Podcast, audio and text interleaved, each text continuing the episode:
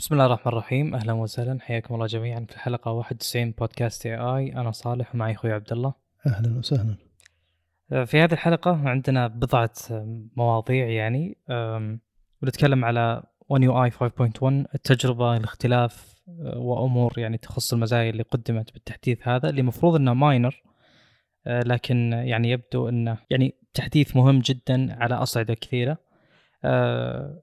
الشيء الآخر بنتكلم على تجربة Edge على Android وهذا شيء أنا ما عرفت إلا من الأخ عبد الله لأنه ما كان يطري ببالي ابدا اللي أعرف إن الناس تنقسم ما بين استخدام Firefox و Chrome في ال...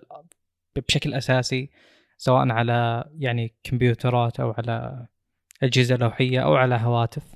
آه، لكن Edge يعني قد يكون يعني عنده شيء جديد ومختلف خصوصا مؤخرا مع يعني الهالة اللي صارت حول ChatGPT و Bing وإلى آخره. آه، بنتكلم أيضا على جديد Redmi K 60 و K 60 Pro وفي أشياء يعني دائما الحديث على مثلا لو نزل الآن K 70 مستحيل نعرف الجهاز وش بيكون وش بيركز عليه وش يعني النقاط الأساسية القوية اللي بتكون فيه. فالحديث عن K 60 بيكون شيق نوعا ما.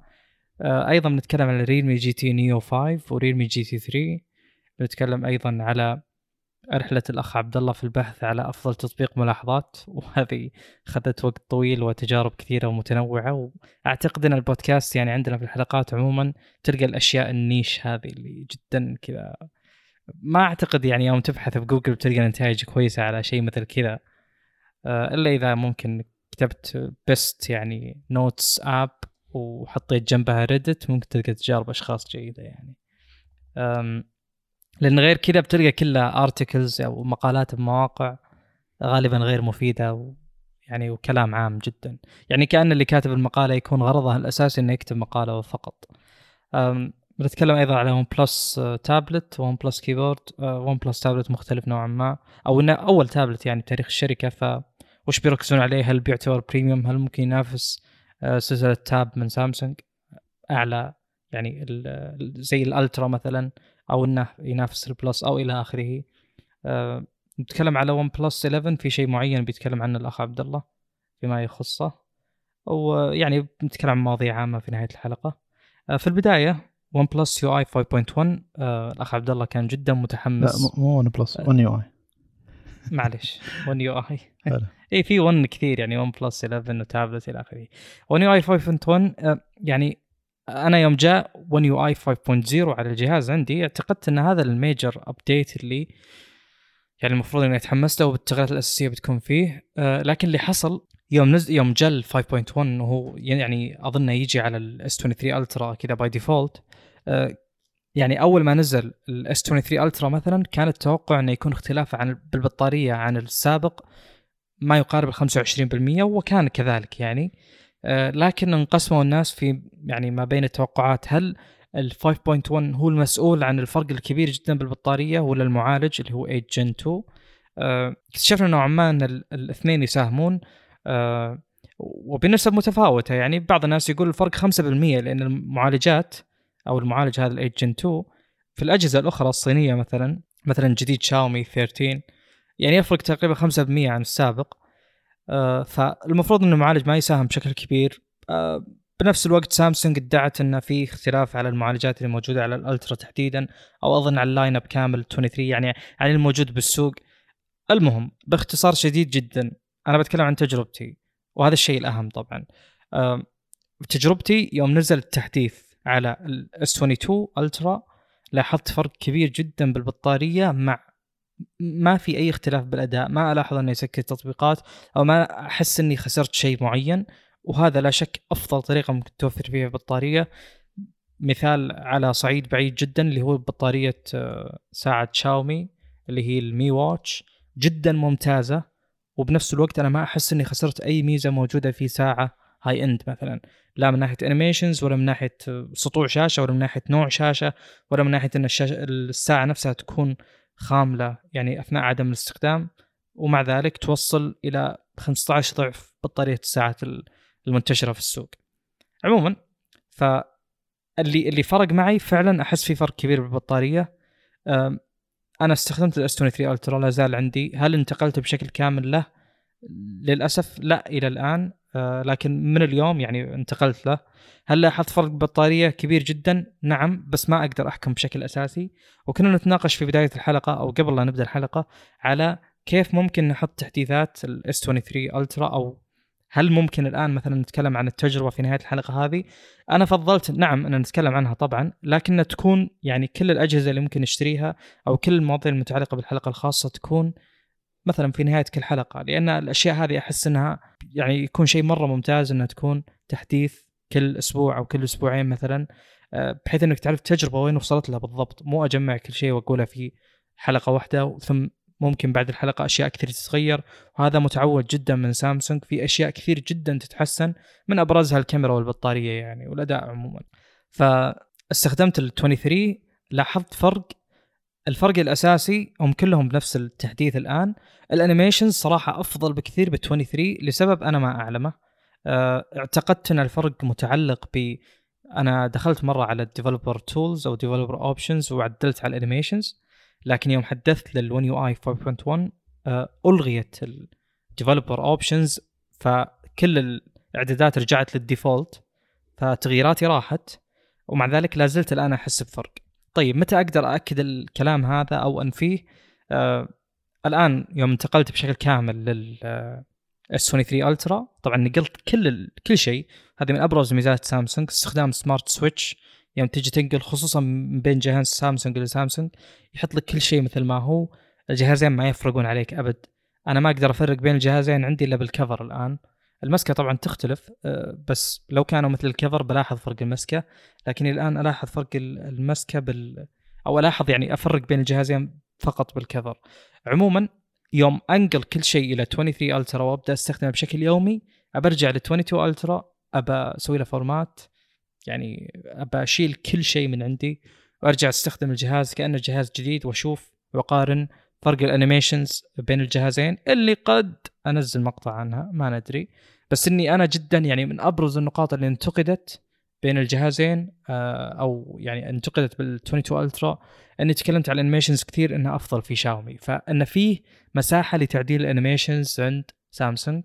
آه، بالإضافة إلى تكلمنا على موضوع الشحن. هذه الشيئين الأساسية يفتقدونها سامسونج نوعا ما. غير كذا تقريبا كل شيء أفضل في واجهة سامسونج كاميراتهم تجربة الاستخدام إلى آخره. يعني في تفوق كبير جدا. المهم فيما يخص البطارية آه نعم تحسن اس 22 ألترا عشان بس أسكر الموضوع بشكل كبير جدا صار مرة ممتاز كأني غيرت الجهاز أصلا. آه لكن أظن أظن لا يزال 23 ألترا أفضل يعني نوعا ما. اللي يحمسني صراحة إني أشوف تجارب آه اختبار البطارية الآن بعد التحديثين للجهازين. رغم انها قد لا تكون عادلة لأن غالبا بيكون ال S22 Ultra مستخدم فترة طويلة جدا ما يقارب سنة يعني بينما ال 23 Ultra كل اللي بالسوق جديد. آه لكني أنا بجرب هذا الشيء على كل حال آه، مقارنة بين الأداء بين الجهازين. آه نقطة أخرى تستحق الذكر غير متعلقة ب One UI 5.1 من الأشياء اللي فرقت معي بال 23 Ultra لأن الجهاز هذا مثلا 22 Ultra يوم تطلبه pre-order بيجي معاه سماعة مثلا وكم شيء ثاني. الآن أغلب النسخ يجي معها الشاحن الأساسي ال 25 واط مو 45 لاحظت فرق يعني قد يستغرب منه بشكل كبير. أنا كنت أشحن بشاحن 33 واط حق هواوي موجود عندي من أول. كنت أستخدمه ولا زلت 33 واط يعني أكثر من 25 ومع ذلك ما كان يشحن ال Ultra fast charging مدري وش هذا اللي من سامسونج. الآن يوم أشبك ال... سواء 22 أو 23 بالشاحن حق سامسونج ال 25 واط ألاحظ انه أسرع بفرق كبير جدا جدا عن ال 33 واط. أسرع أسرع بفرق يعني. أصلا الصوت وال animations اللي تطلع وقت ما تشبك الشاحن مختلفة. فأي شخص معاه 22 مثلا أعتقد لو تشتري راس سامسونج اللي يمكن ب 40 ولا 50 ريال موجود على أمازون السعودية مثلا بيفرق معك الشحن. فشفت سوء الشحن اللي أتكلم عنه في السابق؟ كنت أقول إنه بطيء بطيء بطيء. هو ما كان مجرد انتقال من 120 واط إلى مثلا 33 واط. هو كان إني أستخدم أعتقد أقل سرعة موجودة في في الشحن فكان جدا جدا بطيء. يعني كنت أقول مو معقول أن هذا السوء أنا كنت متعود عليه في السابق. فالشحن أشوفه مقبول جدا للامانه ال 25 واط. ما هو بطيء ابدا. آه، يعني مقبول. والآن مع تحسن البطارية الاحتياج للشاحن صار أقل وأقل. طيب, طيب عندي معلومة هنا لحظة. سم. سامسونج عندها 25 45 واط. 25 في الغالب يعطونك إياه مع العروض حقت الجهاز. ممكن للحين يعطونك إياه حتى حتى لما خلص الطلب المسبق. نتكلم عن موقع سامسونج. ال 45 واط هو الأعلى. 45 واط سابقا كان الفرق بينه وبين 25 واط تقريبا 10 دقائق يعني شيء ما يستاهل إنك تروح تشتري 45 واط. لكن مع الاس 23 ألترا صار الفرق أكثر تقريبا 20 دقيقة بينه وبين ال 25 واط والفرق بينه وبين ال S22 في فرق أيضا. يعني تقريبا يشحن كامل خلال 56 دقيقة أقل من ساعة. وشحن سريع 45 واط سابقا مع S22 Ultra. كان تقريبا ساعة و10 دقائق ساعة وربع. ففيه فرق حتى لو إن اثنينها 45 واط ال S23 Ultra يشحن أسرع على نفس الشاحن S22 Ultra يشحن أبطأ على نفس الشاحن. ف يعني في تحسين على سرعة الشحن بس 23 Ultra آه على نفس الشاحن السابق يعني. حلو. طيب نستكمل الحديث في يعني بشكل عام مزايا وفروقات One UI 5.1 فيه عندك يعني أشياء كثيرة تتعلق بالصور. آه الآن تقدر تستخدم Expert RAW آه على الأجهزة اللي وصل لها ال One UI 5.1 آه هذا من يفيده يعني يفيد الشخص اللي بياخذ صورة RAW يعدل عليها بشكل كبير جدا. هذا الشيء طبعا موجود بآيفون تكلموا عنه كثير آه، سواء فيديو ولا فوتو الآن صار موجود هنا. آه، اللي جربوا هذه التقنية أو الميزة يقولون إنه يعني حلوة بس آه، حجم الصور يكون كبير جدا جدا. ف يعني هي مفيدة بس انه للشخص اللي ممكن يستفيد منها.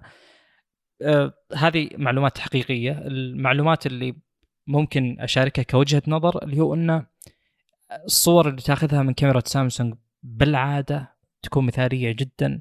فأعتقد ما في مساحة كبيرة للتعديل. آه يعني إذا كنت مرة أبي آخذ صورة يعني مهمة بالنسبة لي أبي كل الديتيلز الموجودة. كنت أشغل وضع ال 108 ميجا بكسل اللي صار الحين 200 ميجا بكسل على 23 Ultra. أعتقد هذا يعني هو أكثر إضافة ممكن تضيفها للصورة. أما سالفة إني أحوس بال Expert RAW أنا ما جربته إلى الآن لما أنا ما أعطيته حقه. آه لكن يوم أجربه ممكن أضيف يعني في الحلقات القادمة. ما أعتقد إنه شيء مهم جدا لكنه شيء لابد يكون موجود لأن مثلا الآيفون فيه هذا الشيء واعتقد إنه توجه نوعا ما. النقطة الثانية تقدر تسوي زي الشيء الموجود ببيكسل وآيفون اللي هو إنك تدخل الجاليري تفتح الصور تعلق على object شيء موجود داخل الصورة وتسوي له pop up يعني تطلع من الصورة وتقدر تسوي له paste أي مكان. صار موجود الآن في أجهزة سامسونج أو في ال One UI 5.1 وأعتقد إنه شيء جيد وأعتقد إن الناس يستخدمونه بشكل أساسي لل reactions يعني ما قد استخدمته ولا قد حسيت إني أحتاج أستخدمه لكن قد يكون إذا استخدمته أول مرة أحس إنه أوه شيء كويس وسريع وعملي بحيث إنه ما يتعبني وأنا مثلا ممكن أستخدمه.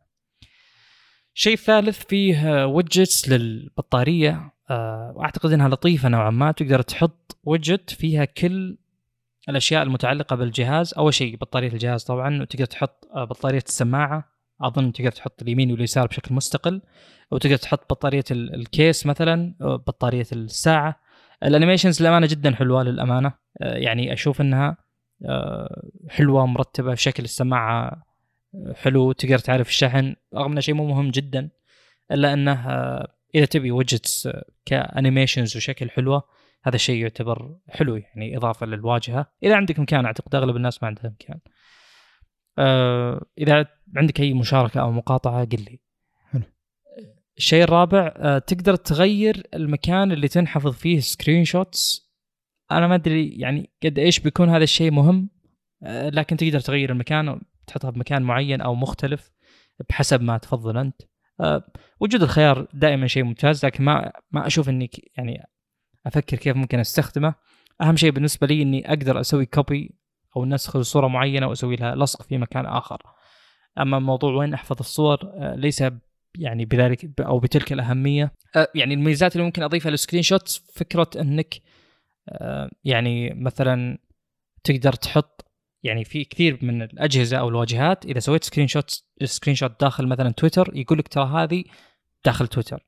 يعني تقدر تسوي تصنيف للصور اللي داخل ملف هذا لقطات الشاشة بناء على وش التطبيق اللي موجود فيه. هذا قد يسهل عليك البحث مثلا. أنت سويت screenshot لشيء بتويتر ولا إنستغرام ولا أي مكان ولا واتساب تقدر تعرف يعني بشكل أسرع وهذا شيء جيد. يعني metadata إضافية للصور. آه، الآن يمديك تغير المكان. الشيء الخامس شيء أضافوه ال Digital Wellbeing اللي هو في walking monitor في تستعرض يعني المشي والأشياء هذه بال يعني تقدر تفتح الإعدادات وتلقى البيانات موجودة. يعني أضيف إلى كلامي السابق ما أدري كيف ممكن هذا الشيء يكون حلو بس يعني موجود هو. الشيء اللي بعده تقدر يعني في إعدادات الفيديو تضيف شيء آه إنك مثلا تزيد ال bitrate حقت الفيديو ف يعني هو كان موجود في السابق موجود أظن عند شاومي. آه يعني فكرة إنك تأخذ فيديو ب bitrate أعلى وببيانات أعلى آه مع compression أقل هذا الشيء موجود الآن. قد إيش بيكون مفيد صراحة ما أدري. لكنه موجود. آه، تصوير الفيديو بسامسونج يعني فعليا already الآن آه، ممتاز وأحسن من السابق بكثير جدا.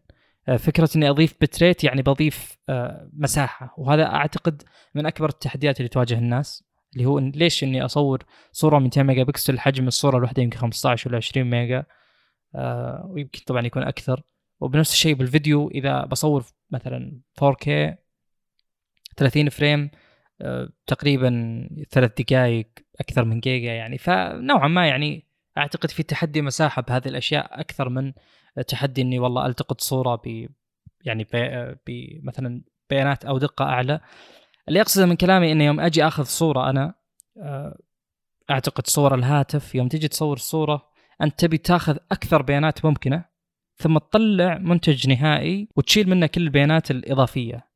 بمعنى صورت الصورة الصورة مثلا وقت التحرير وقت التصوير نتيجتها خلينا نقول 100 mega آه، بس غالبا بتكون في بيانات كثير يعني إضافية ما لها داعي. مثلا أخذت خمس خمس exposures لشيء لونه أسود تماما.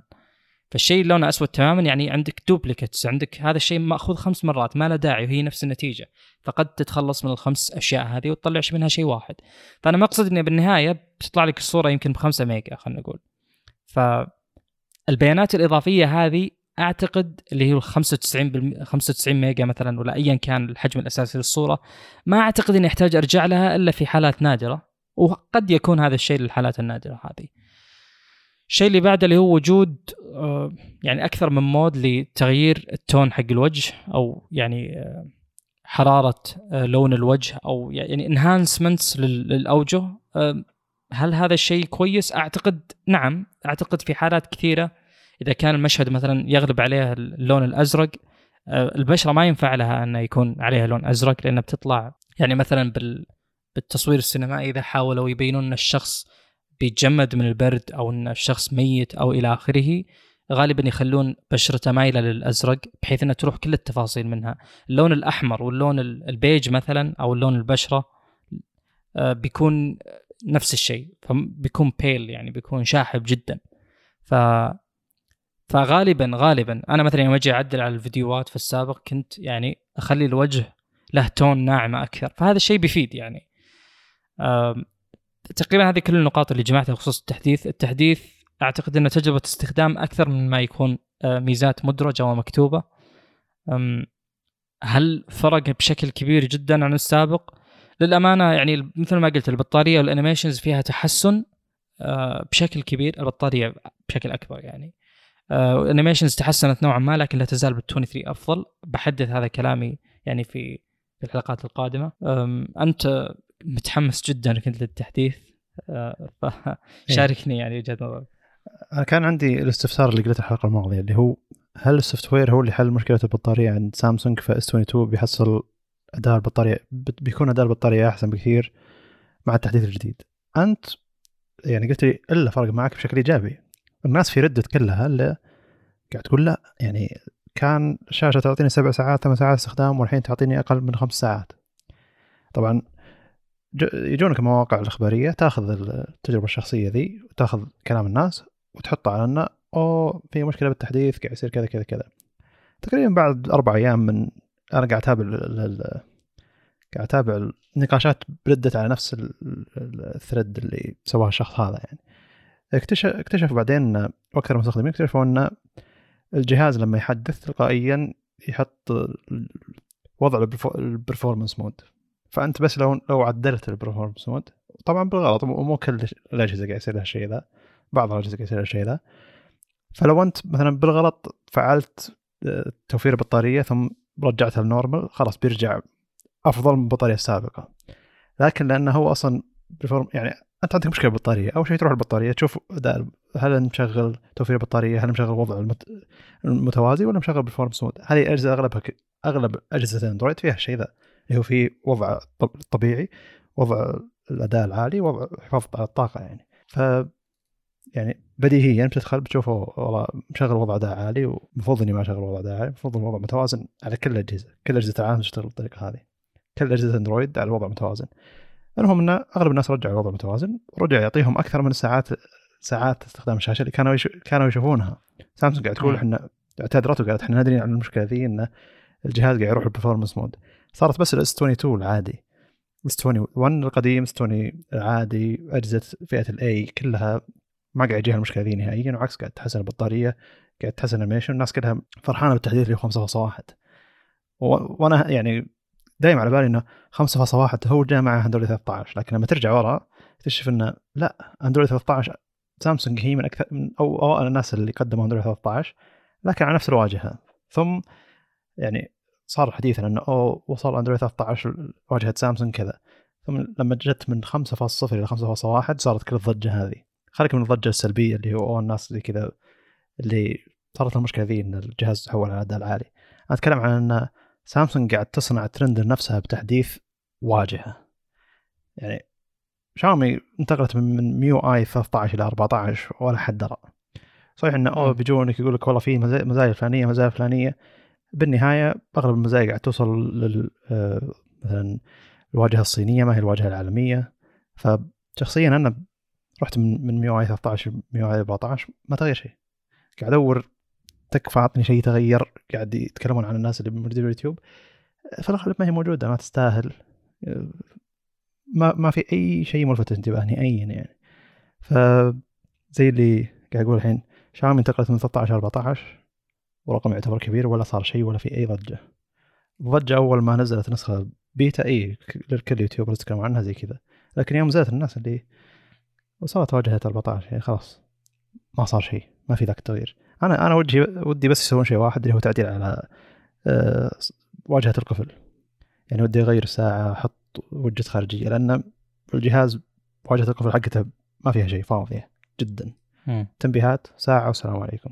تقدر من برامج الثيمات تركب واجهات مصممينها الناس لكن لا ما أبي أشياء مصممينها الناس أبي أنا أعدل على الأشياء اللي أحتاجها. أبي أحط الوجت برا ما أبي أدخل أفتح قفل الجهاز عشان أشوف مثلا وجهة أوقات الصلاة أو اشياء زي كذا. ف أو مثلا نتائج مباريات أو مباريات اليوم. ما أبي مو لازم أفتح القفل عشان أشوفه بس لمستين على الجهاز أشوف واجهة القفل أقدر أشوف الوجهة الخارجية. يعني مساحة ضايعة.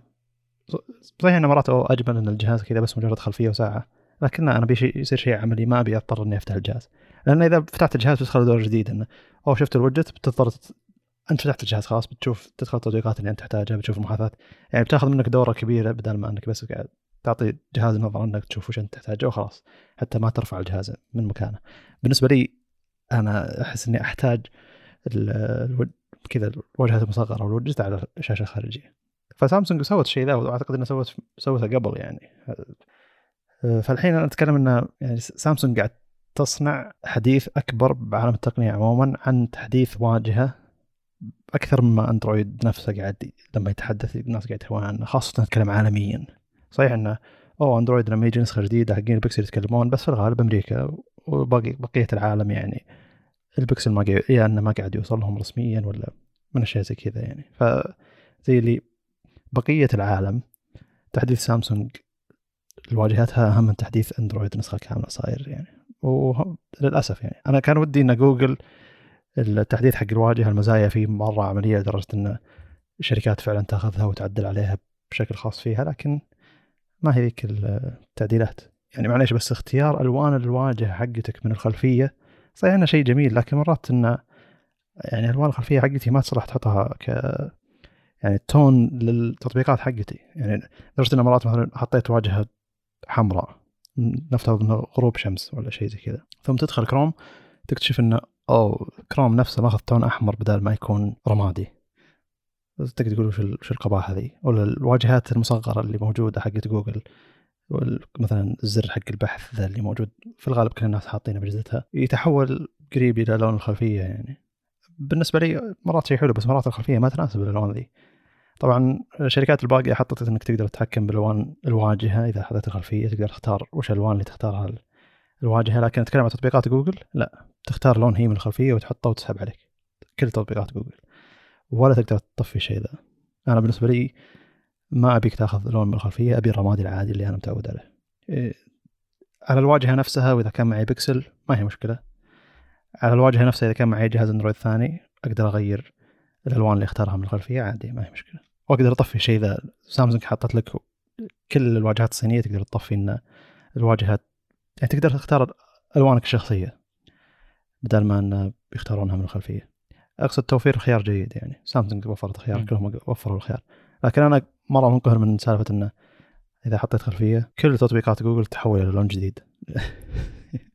ليش؟ أذكر ال Mac كان يسوي الشيء هذا وأول من اوائل الأشياء اللي سويتها رحت طفيت هذا. خاصة اللي كان خلفية ال Mac الأساسية كانت ورديه مش صايرة فكل التطبيقات الغامقة قلبه بنفسجية لون غبي يعني. ف طيب. من الاعدادات طفي الشيء ذا كان. أنت تقدر تع... أنت الآن حاليا تعاني من هذا الشيء ولا؟ لا الحين قاعد أستخدم Edge و يعني بس هو موجود عندك. تطبيقات جوجل واجد.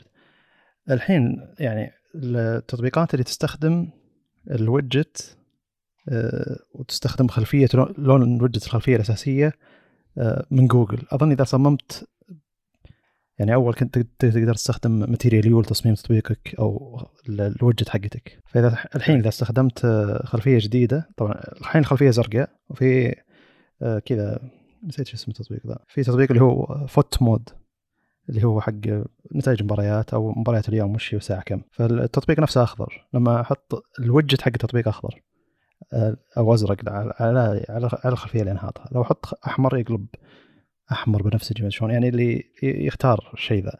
لأنه ت... لأنه صمم تطبيق أو الوجت حقه تبع تصميم حق جوجل. أظن مستخدم Android Studio أو مستخدم آه وشو؟ ال front end الجاهز حق جوجل. أتوقع عندهم أندرويد عندهم front end جاهز بالعادة ولا؟ حلو صحيح. إيه فعشان كذا انه اي تقدر تغير. تغير الألوان بناء على إن أو كل تطبيقات جوجل قاعد تغير فهي قاعد تغير لدرجة انه لو غيرت الخلفية حقت الواجهة حقت الواجهه واجهة القفل مو حقت الواجهة الأساسية. يروح ياخذ.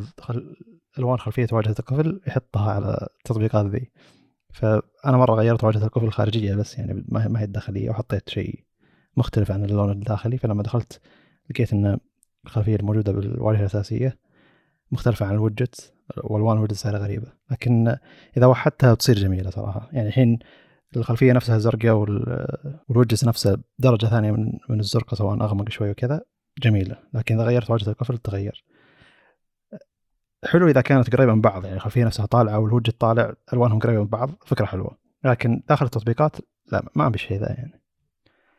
جميل. أم طب قد إيش أنت يعني مثلا لو تستخدم أي تطبيق من جوجل تعاني منه؟ قد إيش هو سيء أو جيد أو يعني وش اللي اكتشفت إني يعني من التجربة ذي اكتشفت إني ما أستخدم تطبيقات جوجل واجد. حلو. يعني جيميل و جيميل ما في المشكلة ذي وجوجل Maps آه، فقط. جميل. يعني كروم ما عاد أستخدمه واغلب تطبيقات جوجل الأساسية ما عاد أستخدمها طيب وش التأثير اللي تلقاه بهذه ال... وش الش... يعني مثلا أنا ليش أسألك هذه الأسئلة؟ لأن في شخص آه، أخذ ال 12T Pro شاومي ويعاني من هذه النقطة يعني بشكل يطلع عنده الأسود يميل إلى الأخضر. نوعا ما. سيء سيء جدا جدا جدا. يعني الرجال يتشكى من يعني يتشكى لي بشكل كبير جدا. ليش هذا كذا؟ يقول لي بس تطبيقات جوجل. كنا نحاول نحل الموضوع. أنا قلت له أكيد له علاقة بال اللي هو ال يعني ال color picker هذا أو ال color palette اللي يؤخذ عشان يعني يصير كل شيء customized لك. فقلت عدل هذا الشيء بس ما عنده هذا ال option أنا موجود عندي بسامسونج. إني والله أقول يلا خذ من الخلفية ألوان وعممها. المهم طبعا إحنا اكتشفنا إنه متعلق بالخلفية اللي هو حاطها لكن هو يبي يحط الخلفية هذه. هو يبي هذه الخلفية بس ما يبي هذا التأثير يكون موجود يعني. فأظن بواجهة شاومي آه، مطبق بشكل أساسي يعني ما تقدر تلغي لسبب ما. بحثت عن الموضوع للأمانة ما لقيت أحد تكلم أعتقد لأن الألوان اللي تختارها الناس للخلفية الألوان اللي يحبونها بينما هذا الشخص كان يستخدم صورة ويبي يستخدمها يعني. حلو. فأنت ما تعاني لكن هو يعني حاول مطفش الموضوع. كل ما فتح جوجل يبي يعني ال material dark أو خلينا نقول الوضع الداكن لكن ما يبي الأشياء المصاحبة له لكن للأسف يعني مضطر.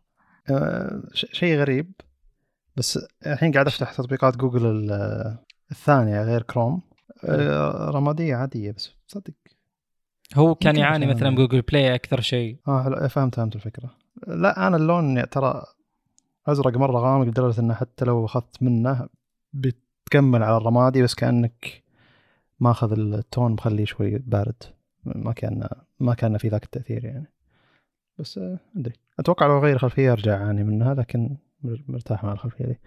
أه بس صحيح يعني لما تغير الخلفية إلى لون غريب مرة يعني خاصة كروم يقلب ألوان غريبة مرة. دورت الاعدادات أيضا ما لقيت شيء يطفي الشيء ذا. بس عموما Edge يعتبر منقذ. باشياء كثيرة.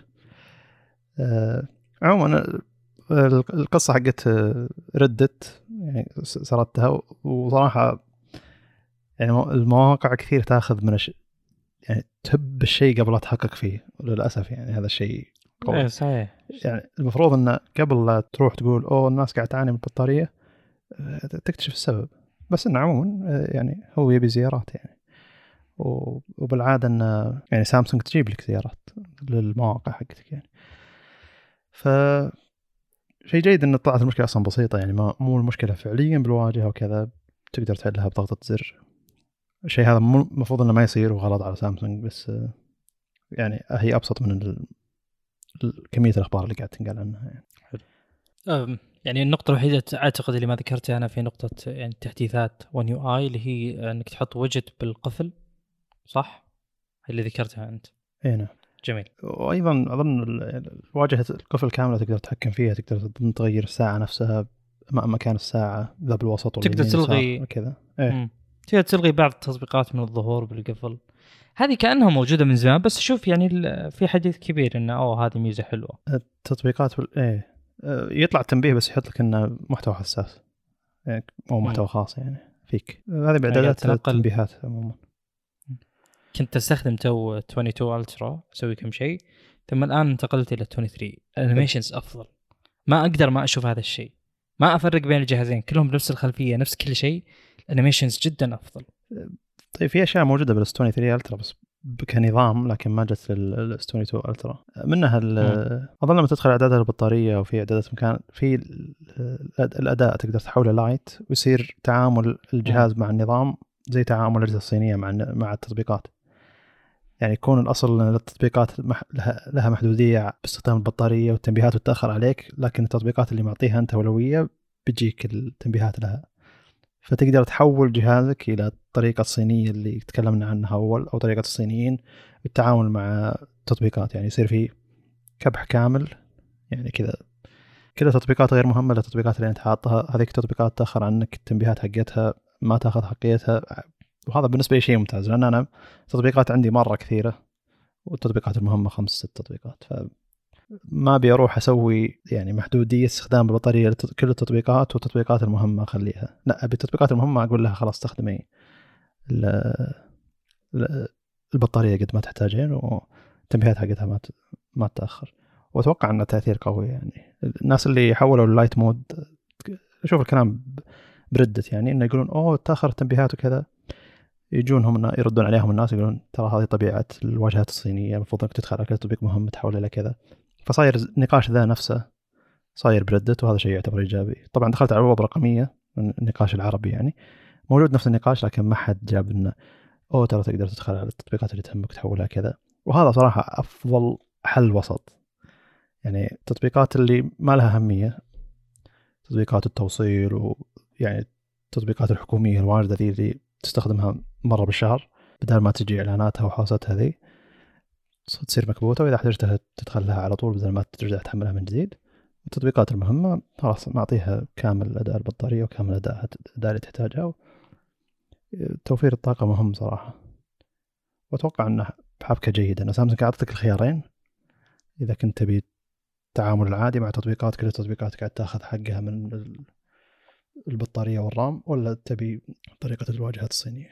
جميل. أم في في طرق للأمانة لتحسين هذه الأشياء بمعنى انه يعني أنت تقول مثلا تطبيق تفتح مرة بالشهر غالبا إذا فتحت تطبيق بعد شهر بيكون في تحديث فبتحتاج تحدث تفتح التطبيق يقول لك روح متجر تطبيقات وحدث.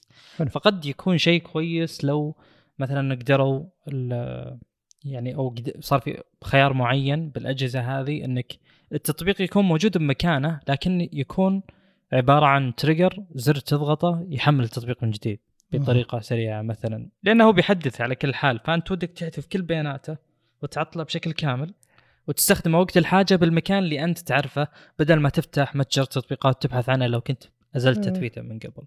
يعني إذا كان واحد حد... من أحد الواجهات يسمعنا ممكن يسوي هذا الشيء لا بس إذا حدثته يعني تحتاج تدخل إذا كان في تسجيل دخول تحتاج إذا حملتها من جديد أقصد.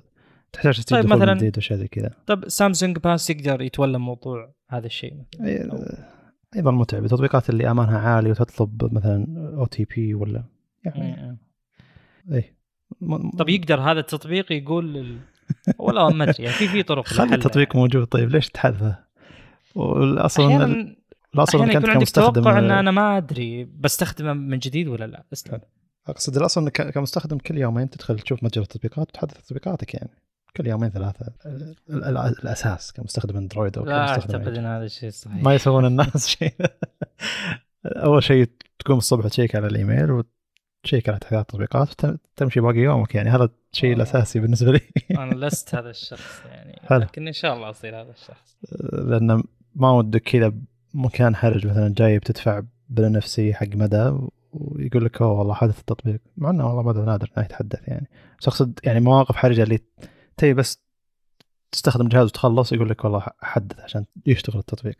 فبالنسبة لي كل صب كل صبح إيميل وتحديث تطبيقات وبعدين أكمل باقي اليوم. آه طيب.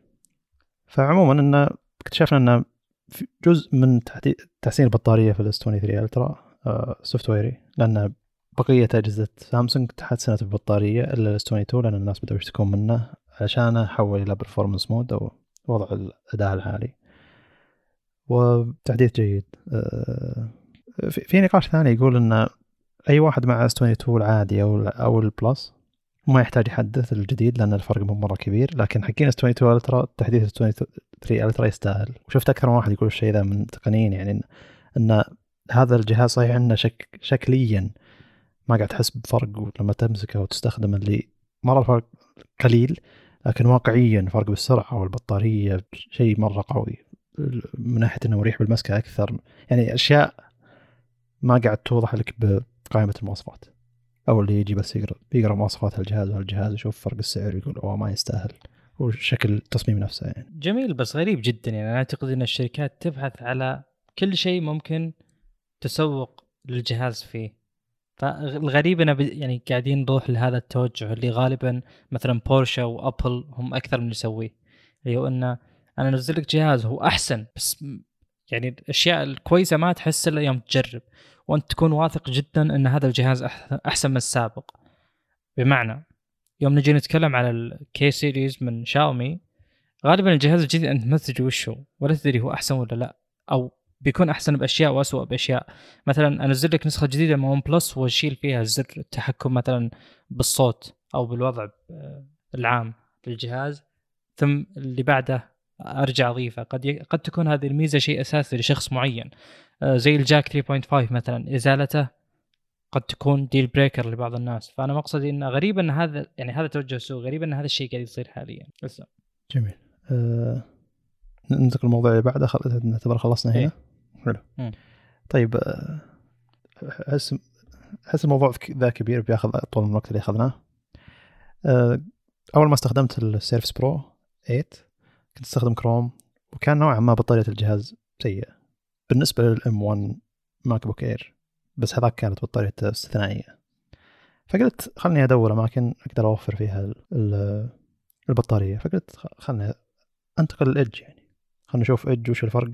باستهلاك الطاقة وصرفية ال RAM.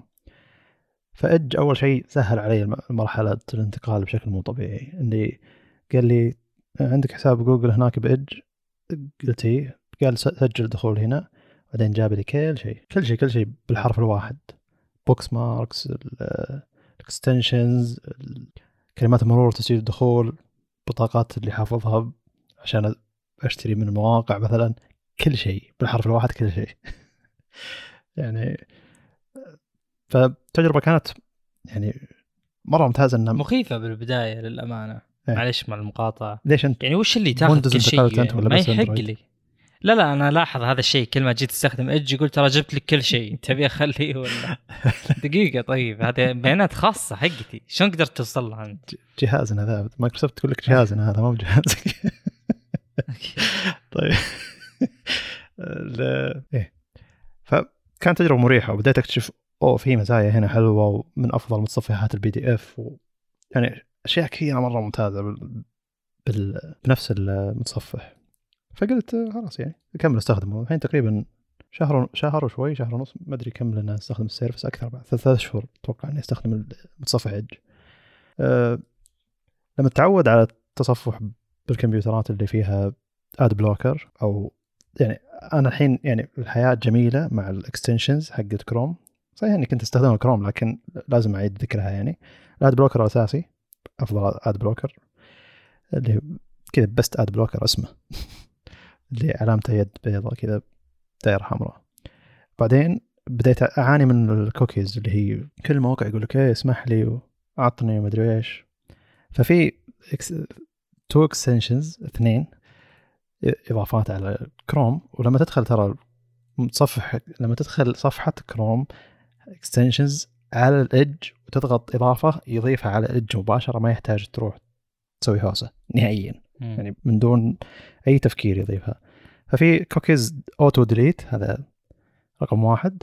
و I don't care about cookies يعني هذول الاثنين يكملون بعض ليش؟ لأن أول شيء الكوكيز نوعا ما آه وشو ال HTTPS هذا بما إني يعني توني ماخذ شبكات هو stateless يعني هو ما يحفظ حالتك أنت ولا يدري عن معلوماتك فالمفروض إنه إذا قاعد يستخدم الكوكيز عشان يعرف أنت وين تتصفح أنت وش معلوماتك علشان يعطيك الدعايات اللي أنت تحتاجها ويكون يعني تقريبا عارف من أنت الموقع لما ترجع له أنت تقريبا يكون عارف من أنت. ف آه، الهدف الأساسي كان جيد لكن صار الإعلانات أكثر. الهدف الأساسي كان على أساس إنك ما تحتاج تطلب بيانات أكثر من الموقع وكل شوي يعطيك إياها. الكوكيز تكون مسهل عليك إنه أو أنت المستخدم الفلاني اللي هو آه، مثلا أنت ما سجلت دخول عنده مثلا لكن حاط شيء بسلة آه، بالسله حقت الموقع نفسه. مثلا دخلت موقع جديد توك ما سجلت دخول حطيت شيء بسلة الشراء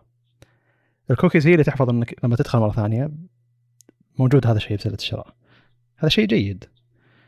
أنت ما سجلت دخول للحين هو بس هو حافظ معلوماتك من خلال كوكيز أنا شخصيا ما أبي إذا أنا ما مسجل لا تحفظ معلوماتي ولا تأخذ منها شيء. ولما أرجع لا لا تقول لي إن أنت تعتبر شخص جديد. ف I don't care about cookies اللي هو الإضافة الثانية اللي هي تعطي الموقع نفسه أقل آه، يعني أقل كمية كوكيز آه، متوفرة. يعني علشان أقدر أتصفح الموقع بارتياح يعني. المواقع تفرق ترى مرات يقول لك إذا ما أعطيتنا كذا كذا كذا ما يقبل إنك تتصفح الموقع. فزي اللي I don't care about cookies يعطي أقل نسبة آه، صلاحيات للكوكيز عشان تقدر تصفح الموقع. ثم بعدها auto delete cookies هذه يعني زي اللي لما تطلع من الموقع على طول متصفح يحذف الكوكيز حقتك كاملة. لما تدخل مرة ثانية يحسبك مستخدم جديد أصلا نفس الموقع. وهذه أشياء لاحظها بعدين إنه أو إذا دخلت موقع مثلا محمصه عندنا وأنا ما مسجل دخول عندهم وكنت حاط أشياء بالسلة على أساس حافظها لما أسكر الصفحة أنزل الاشياء اللي أنت حافظها. فعشان كذا أنا بالعادة الحين صرت أحرص إني أسجل دخول ثم أحط أشياء بالسلة على أساس تنحفظ إنه للمستخدم ذا. فحتى لما أروح للجوال وأدخل على المستخدم ذاك الأشياء موجودة بالسلة موجودة بالسلة علشان دخلت سجلت دخول مو عشان احافظ كوكيز فأنا في كراهية للكوكيز دي عموما. آه، فهذا هذه أشياء مرة مريحة مرة مرة مرة مريحة. والشيء والإضافة الأخيرة اللي تعتبر جدا مريحة اللي هو SponsorBlock for YouTube اللي هو تلقائيا يسوي skip لل بداية المقاطع حقت يوتيوب إذا كان في مقدمة animation أشياء ما تبي تشوفها. إذا كان في تسويق بالنص الأشياء ال YouTuber نفسه قاعد يقولها يسوي لها skip وهي مبنية على YouTube Vanced نفس الطريقة بالضبط يعني. المقاطع الجديدة ما راح إذا مقطع تو نازل خمس دقائق 20 دقيقة ما راح يشتغل ال extension هذا فبيكون آه، استخدامك أنت وبيأثر على يوتيوب ال extension هذا نفسه. مرات أنت تكون تساعد يعني. تقدر أنت تقول لهم إن أوه هنا ترى في إعلان. وخلاص يصير كل الناس اللي بعدك يصير لهم الشيء هذا. وهم يبدون يلاحظون إن إذا كان نفس ال YouTuber مقطع المقطع وحاط جزء من المقطع sponsor على طول تلقائيا يسوي له skip يعني. يعني ذكي مرة ال SponsorBlock هذا حق اليوتيوب. زي YouTube Vanced عنده هذا ال option بعد. إي هو نفس المطور ترى. يعني حلو. آه، ال extension نفسه ماخذه يعني هو ال GitHub راح تلقى ال extension آه، نفس حق YouTube Vanced سوى implementation داخل ال YouTube Vanced نفسه. فمرة مريح. فهذه الأشياء اللي قاعد تسهل استخدامي المتصفح يعني إلى درجة مو طبيعية. كان التصفح على الجوال مزعج جدا.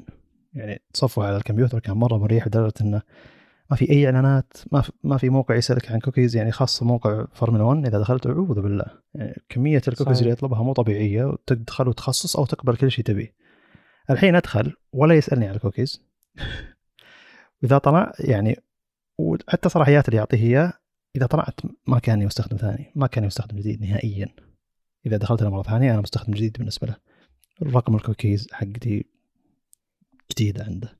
فهذا شيء مرة مرة مرة مريح. يسهل حياتك لدرجة ما تتوقعها. تصفح الإنترنت يكون أسرع بكثير من اللي تتصوره فأنا قلت خلينا نبدأ البحث عن آه، شيء موجود في أندرويد. فيه ad blocker أقدر أضيف extensions خاصة جوجل يعني. جوجل هي أصلا نفسها تسوي الدعايات فليش تروح بكروم تحجب عنك الدعايات؟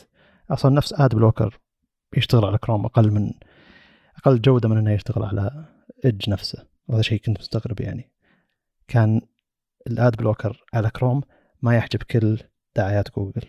إذا تلقى ابتحاث بعدين by Google AdSense يعني. فكان يعتبر شيء مزعج لكن ب Edge كان يشتغل زي الحلاوه أه فقلت أه ممكن Edge يكون موجود هناك. ممكن Edge يكون موجود على اندرويد ويكون فيه extensions فرحت حملت Edge قلت يلا خلينا نشوف. طبعا كانت التجربه البدائيه من مره كل الخيارات الموجودة موجودة تحت. خيارات إنك ترجع لصفحة سابقة تدخل قائمة الصفحات العادية ذي اللي هي اي تدخل ال grid حق الصفحات كذا المربعات حق الصفحات اللي أنت فاتحها. كلها موجودة تحت. كان تصميم يعتبر غريب لكن بعدين تعودت عليه اكتشفت إنه أسهل من إنك ترفع اصبعك فوق. هذا الخيار موجود في كروم لكن تفعله من خلال Chrome dash dash flags تدخل داخل تقدر تحط الأشياء الموجودة فوق لتحت لكن مو كل شيء موجود فوق تحت يعني الرابط ما يزال موجود فوق أشياء معينة ما زالت موجودة فوق. عموما إن Edge للحين بيتا وأنا صراحة معجب جدا ب Edge على اندرويد أه ما تقدر تضيف extension إلى الحين لكن أه لما تشغل ال ad blocker الأساسي الموجود في Edge أه كل نص المواقع اللي تدخلها اللي بالعادة تسألك إنه أوه تراك مشغل ad blocker تكفى طفى عشان نبي ندخل فلوس. تقدر تقول لهم يعني لا ما عليك بكمل ماني مطفي ad blocker حقي. صار ينسأل السؤال ذا نفسه في Edge حق اندرويد فهنا ارتحت قلت okay هذا الحين قاعد يشتغل. باقي مشكلة الكوكيز بس على اندرويد إذا Edge صار يضيف كو... يضيف extension على اندرويد فبيكون يعني متصفح رقم واحد. مش... مشكلتي Firefox وغيرها على اندرويد يعني ما قاعد أجيب كل اللي أنا أحتاجه. ما قاعد أجيب كل ال bookmarks اللي أحتاجها. ما بيعطيه صلاحية أصلا إنه ياخذ أشياء من جوجل اللي هي آه، الارقام السريه والبطاقات اللي بالعادة أحطها. ولا أحد يعني يخاف من ناحيه البطاقات ترى أحط بطاقات فاضية مسبق الدفع آه، يعني اعبيها إذا جيت أشتري شيء. ف يعني ما عليها خوف إن شاء الله. فالحين تقريبا لي أسبوعين ثلاثة أستخدم اج على أندرويد ومن أروع التجارب وأيضا أقدر أرسل صفحات بين اج واج الموجودات على أندرويد ويندوز. شيء مرة مرة ممتع وسريع.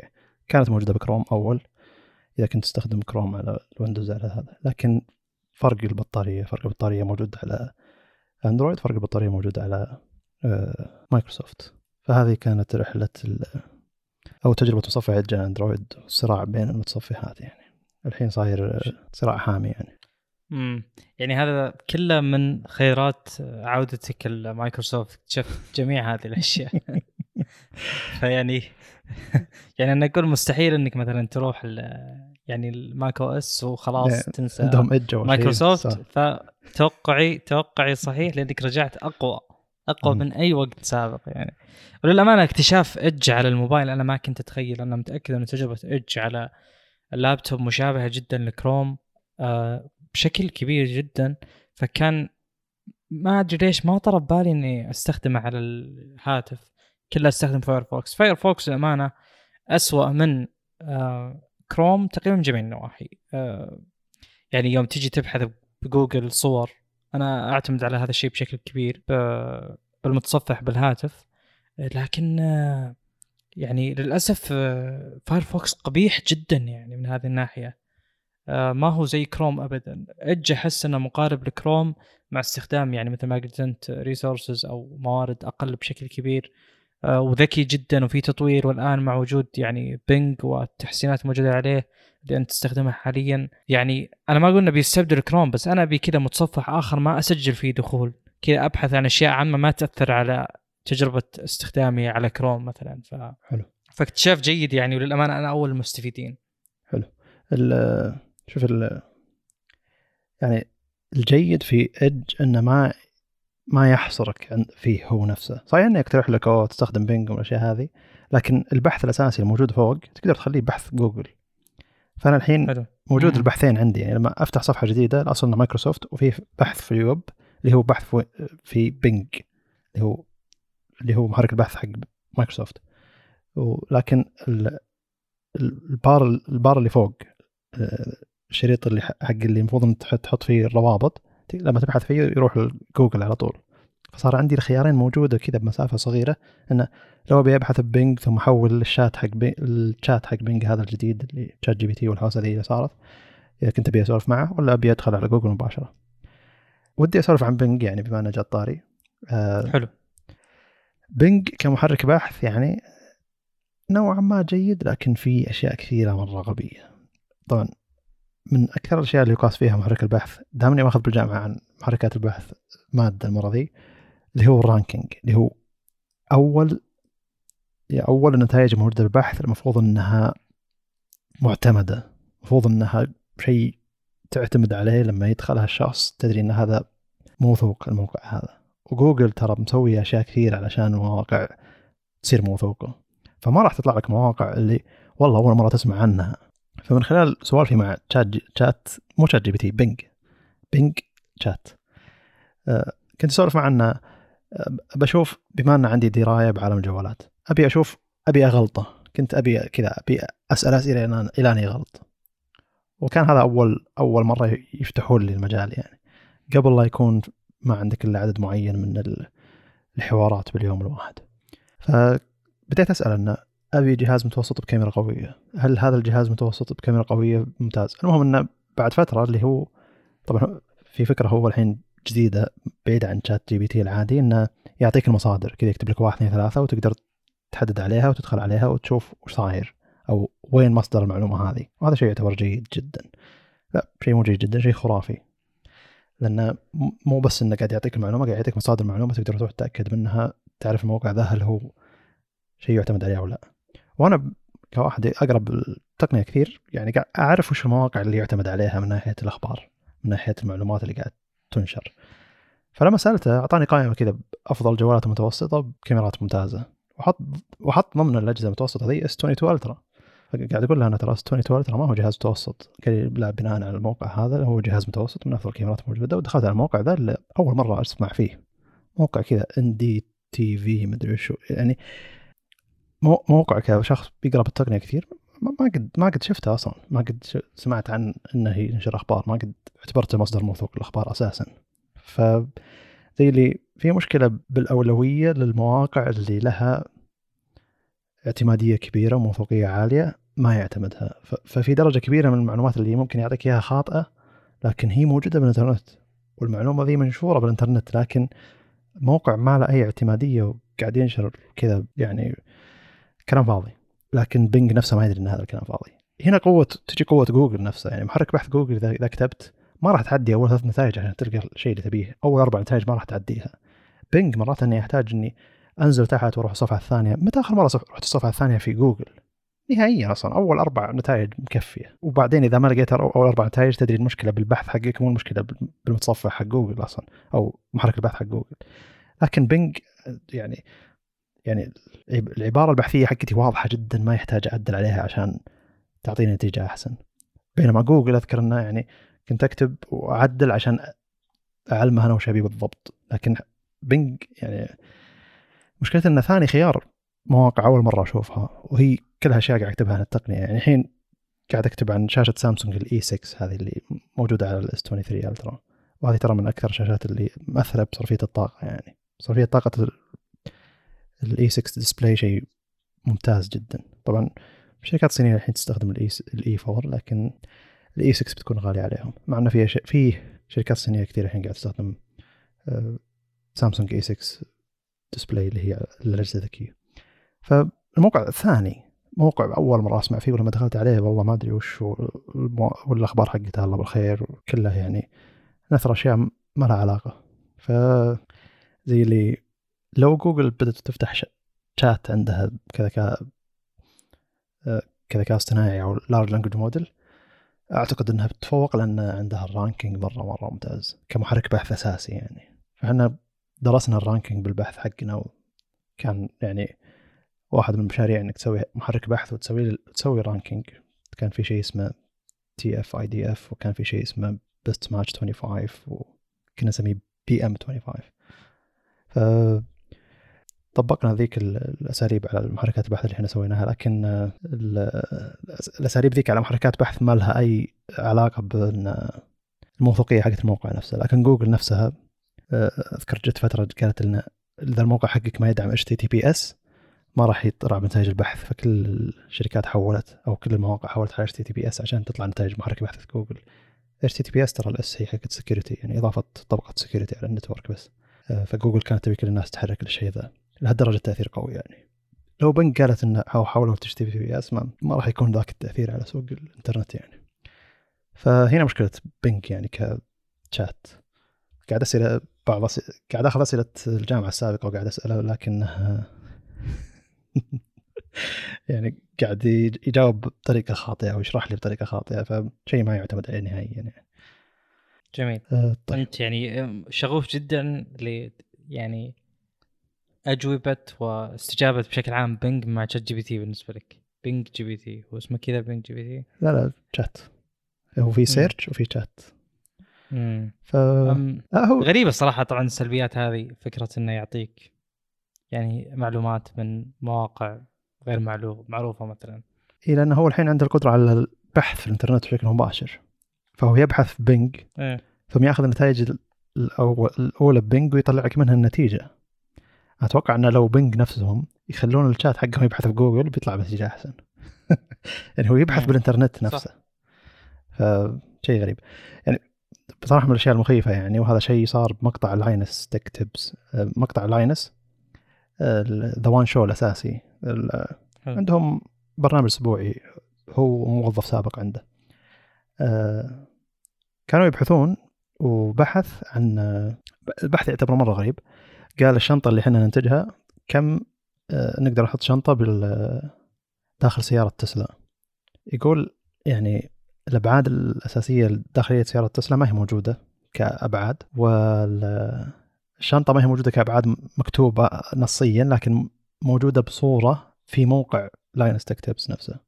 يعني بالصورة موجودة الأرقام. فدخل على موقع Linus Tech Tips أخذ الصورة وشاف البيانات الأرقام من ناحية العرض والطول كم حجم الشنطة علشان يعرف كم تتسع داخل التسلا ذي. ثم آه، من فيديو موجود في اليوتيوب أخذ ترانسكريبت حق الفيديو. وكلام واحد من الناس أن كم المساحة الداخلية. وحسب أنه أو في هامش خطأ من ناحية أنه في ميلان وحوسة داخل السيارة. وحط هامش خطأ وحسب لهم أنه بتكفي كذا كذا شنطة داخل السيارة. ولما سألوه زيادة عن شلون أنت حسبت الشيء ذا قاعد يفصل بالشيء ذا. فهمت؟ يعني هو قال إن على الإنترنت ما هو شيء موجود. كأرقام داخلية تسلا كم عرضها وطولها إذا شلت طبعا. من الكرسي من الكرسيين الأولى ووراء يعني ما يبي يكمل إلى النهاية يعني. فكان شيء غريب وإنه يقدر يدخل مقاطع الفيديو ياخذ ترانسكريبت حقها و ياخذ بيانات من مقطع فيديو صوتي. هذه الأشياء شيء جميل أشوف إنها جدا مفيدة. يعني أنا أتراسل مع أشخاص ب Slack وبعضهم مثلا ممكن يسجل صوتية. يطلع ترانسكريبت للصوتية تحتها. وإذا عجبك تقدر تسوي read more أتوقع حاطين read more عشان يعرفون إنك تبي تقرأ ولا لا. يعني أو إن هذا الشيء مهم ولا لا. طبعا أحيانا تكون بعض الصوتيات بالعربي بس أغلبها بالإنجليزي فيطلع لي ترانسكريبت وأقدر أشوفه بشكل كامل. أنا أحس إن هذه فائده حقيقية للذكاء الاصطناعي عموما تطبيقات ممتازة له. الصوت يوم تحوله ترانسكريبت فيه ترانسكريبت مثلا يوم يتحول صوت زي اللي يصير بتيك توك بالإضافة إلى إني أقدر أسوي pop up بالصورة أطلع منها شيء معين. سم API إيش؟ في API يعني انت أنت إذا كان كل المحتوى اللي عندك صوتي وتبي تحول ترانسكريبت في اي بي اي جاهز أظن حتى تلجرام يستخدمونه اللي هو اسمه Whisper الظاهر. الحين تلجرام من المزايا الاضافيه ترى أنت لما أدخل على تلجرام وشوف أي صوتية أرسلها أي شخص. قريب بتلقى جنبها A حرف ال A شرطه كذا. هذا طبعا إذا دخلت بالجوال ترى على الكمبيوتر ما فيه للحين آه، اشتراكهم الشهري بيفعل لك ميزة الميزة ذي إنه بيحول الصوتيات إلى نص نص تقدر تقرا بشكل مباشر. بس إنه ترى هو API جاهز تضيفه وتخلص يعني. بغض في في احتمالية إن المقطع ذا أصلا ما في ما في ترانسكريبت وإن الاي بي اي نفسه استخدم اي بي اي جاهز مع إن هذا تعتبر احتمالية أبعد يعني. بس إنه يعني البحث ذا موجود في Reddit والناس قاعد يحاولون يوجدون كيف إن الشات بينج أوجد النتيجة هذه. فشيء يعتبر مرة غريب. حلو. آه، بالنسبة لي اي بي اي مو اي بي اي كون هذه الميزات قريبة مني حلو. هذه هذه الفائده الحقيقية منها إنها تكون سهلة وقابلة للاستخدام بشكل كبير جدا يعني. فالآن كونها موجودة كونها تطلع تحت الصوتية بسلاك بالنسبة لي كمستخدم أخير هذه الأهمية صراحة. جميل. أه وأنا فاهم قصدك إن كلهم يستخدمون نفس ال... ما أدري والله. أه على حسب. أتوقع أتوقع ما أتوقع يحطوا لك المزايا ذي ببلاش. ما أتوقع. أتوقع ش... يعني الشركة اللي أنت تشتغل فيها دافع دافع شيء للسلاك يعني أو اشتراك إي للموظفين كذا. لأن في الغالب أي إضافات لها علاقة بال AI والحوسة هذه يضيفونها كمزايا اشتراك. من الأشياء الثانية اللي بحثوا عنها في البرنامج إنه قال آه، عطني ملخص الحلقة الماضية ال WAN Show اللي هو اللي كانت يتكلمون عنه. فهم تكلموا مدة تقريبا ساعتين ونص. جابه؟ إي راح أخذ ترانسكريبت كامل الحلقة وجاب له ملخص خلال كم جابه؟ يعني ما أدري ب 20 ثانية 15 ثانية كذا. wow. هذه ميزة حقيقية. هذا شيء مخيف. أه، سويت الحركة ذي بالجامعة. طبعا أه، تقدر تفتح PDF وبنج بيطلع لك على شكل يعني إضافي. بس أنا إلى الحين ما ما جت الميزه ذي. فأنا سويت select all طبعا الحين بدأوا يحدونه بدأوا يحدونه على 2000 كلمة. ما تقدر تضيف أكثر من 2000 كلمة. فأنا فتحت من ملفات PDF حقت الجامعة سويت control A select all copy paste على البنج كتبت في البداية بس أعطني السمري بس أعطني تلخيص لهذا ويعني أعطاني رؤوس الأقلام وملخص كلام خرافي. يعني كانت المادة إدارة مشاريع كانت يعني كان الكلام الفاضي ما واجد. كلام فاضي كثير ومكرر وأشياء مربوطة ببعضها. فزي اللي جاب لي ملخص لما قريته فهمت المادة بشكل أفضل. وكان أغلب إيه كانت أغلب الأسئلة مقالية على أساس إنه اشرح وش, وش أنت فهمت؟ فقدرت أشرح وش أنا فهمت يعني بدل ما إني احفظ نصا وشو اللي المفروض أكتب يعني. والنص جدا معقد يعني. اكتشفت إن أي شيء له علاقة بالإدارة المصطلحات المستخدمة نوعا ما عالية كشخص يعني لغته الثانية إنجليزية. استخدم مصطلحات يعني خلال أكثر من شابتر قاعد يمر علي مصطلحين ثلاثة جديدة علي جدا. اضطر إني أروح أبحث وش هي بالضبط بالعربي. أو مرات أبحث عنها بالإنجليزي الوصف الواضح لها. أو بدائل ابسط جميل. حلو. عموما إنه مفيد الأشياء ذي يلخص لي يسوي لي كذا أوه مرة مفيد. إذا كان أشياء من عندك أنت يعني. أو إذا كان موجود بالإنترنت بشكل واضح أنت تبي الشيء هذا. بس إنك تعطيه معلومة عامة إنه جيب لي شيء زي كذا وبيعتمد على بحث بينج هذا شيء ما يعتمد عليه نهائيا. نهائيا نهائيا يعني. ف... حلو. جميل. هذه المزايا إيه؟ حمستني استخدم للأمانة. إي الحين wait wait list ترى. يعني أنت تقول لهم أبي يحطون لك بقائمة. عشان ينقزون ينقزونك بالقائمة ذي يقول لك شوف استخدم Edge بندفك شوي بالقائمة قدام. إذا حملت بينج على الأندرويد بندفك بالقائمة قدام فهمت اللي؟ لك نقاط. يعني. إي لك نقاط إذا استخدمت الأشياء اللي إحنا نسويها.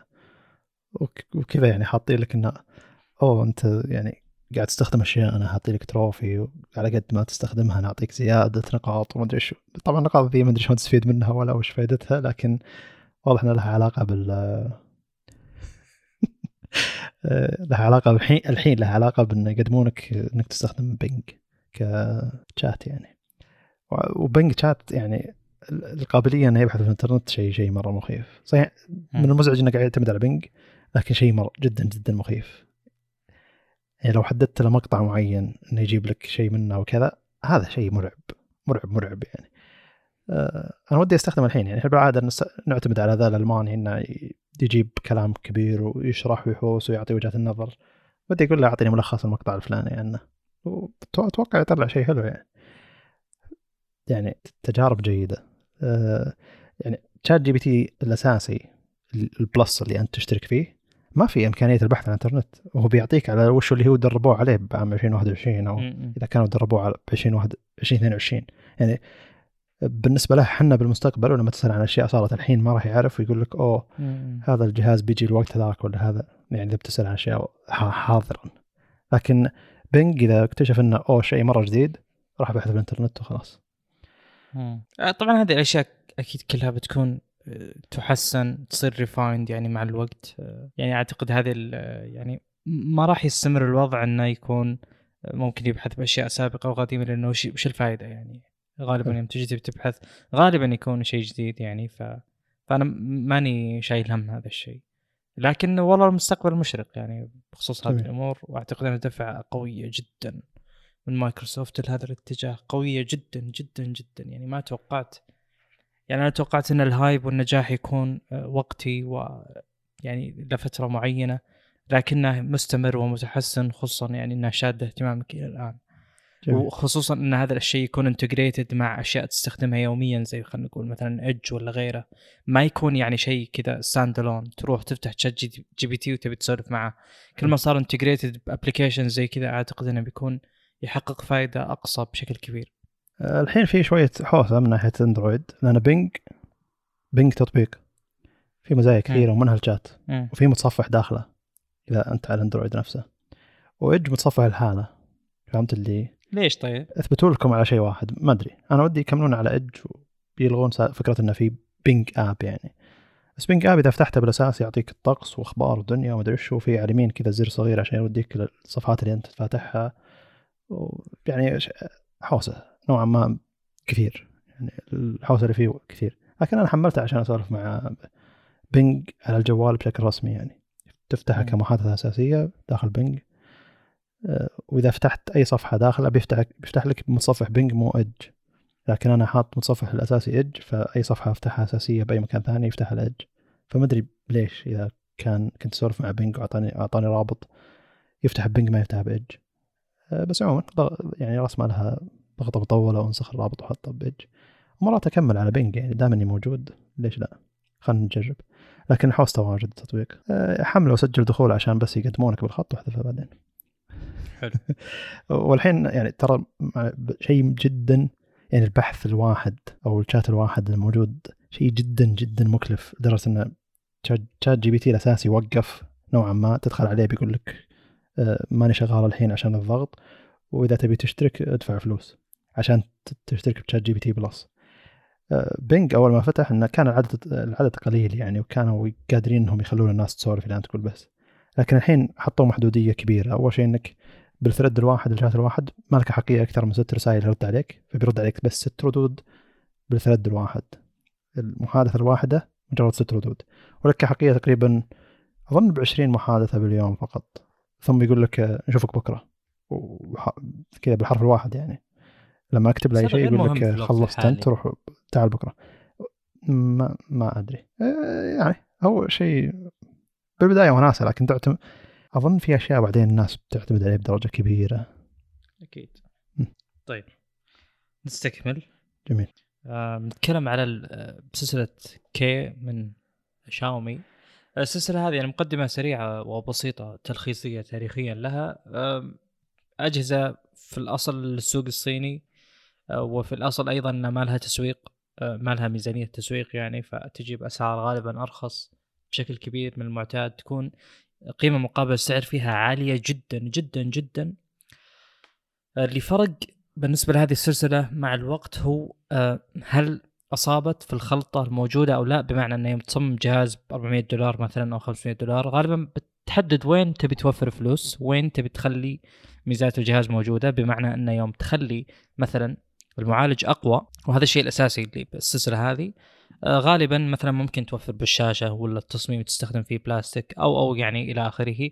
بس يعني خطوة وفكرة إنك تستخدم أعلى SoC بتخلي الجهاز أصلا خلاص يعني دخل إلى flagship فغالبا هذه السلسلة يكون فيها هذا الشيء. بعض النسخ من هذه السلسلة ما نزلت بال بعض النسخ بمعنى يوم نجي مثلا K 30 الألترا ما نزل بمعالج ال flagship وقتها. يعني نزل flagship الميديا تك مو سناب دراجون آه البرو كان ينزل بسناب دراجون فبس يعني ودي أوضح هذه النقاط. آه وأظن ال K 40 طبعا ال K 30 يوم نزل بس الالترا كان 120 هرتز.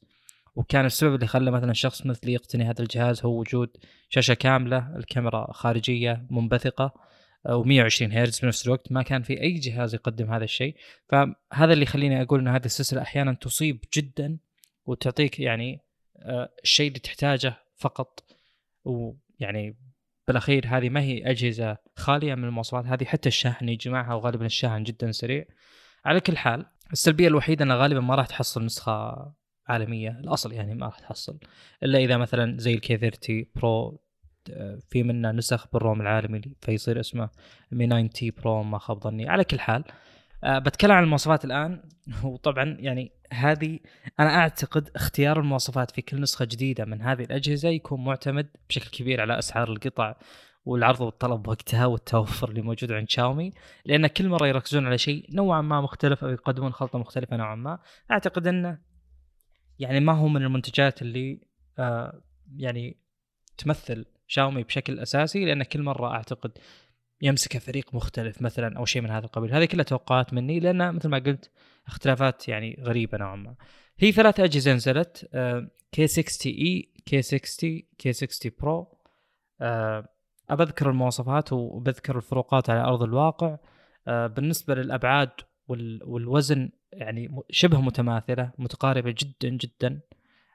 فما راح أذكرها يعني ما راح تفرق يعني, يعني بالنسبة لك هذه الأجهزة. الشيء الآخر المهم جدا بخصوص الشاشة كلهم 120 هرتز. لاحظوا كلهم 120 هرتز وكلهم 1440 ب 3200 يا جماعة كلهم أو إل دي. فشلون هذه الأجهزة يعني حتى البرو منهم سعره تقريبا 490 دولار ف أو 492 دولار. فهذه الأجهزة أغلى واحد فيهم أقل من 500 دولار وكلهم أو إل دي مع اللي هو 1440 3200 هذا الشيء ما هو موجود حتى على ال S 23 مثلا أو S 23 Plus اللي أسعارهم حول double هذه الأجهزة. أو double هذه الأجهزة يعني. فشيء للأمانة غريب جدا.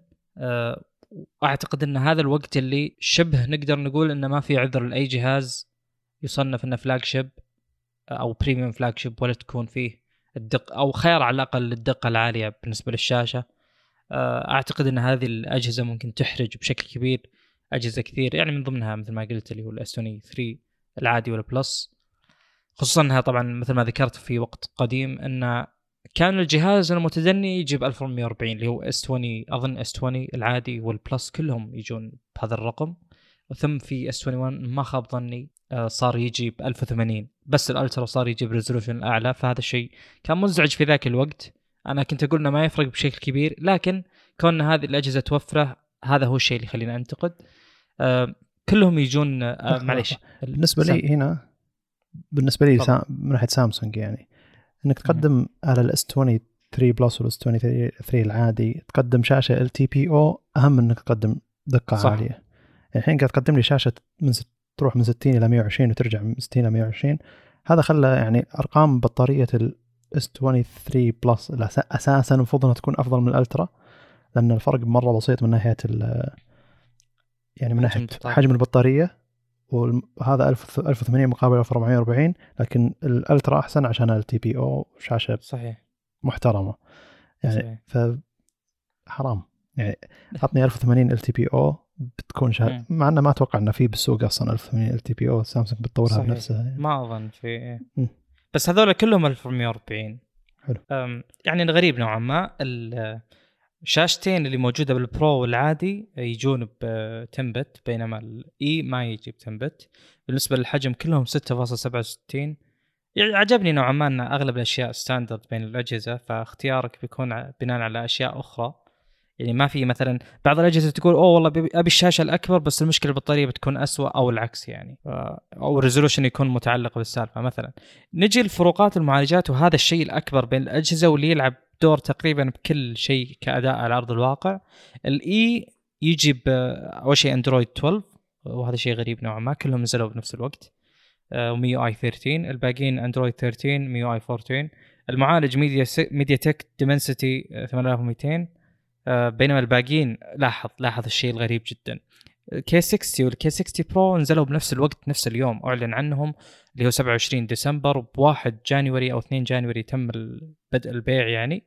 ف ال K 60 يجي ب 8 Plus Gen 1 وال K 60 Pro يجي ب 8 Plus Gen 2 هذا شيء ما أدري يعني.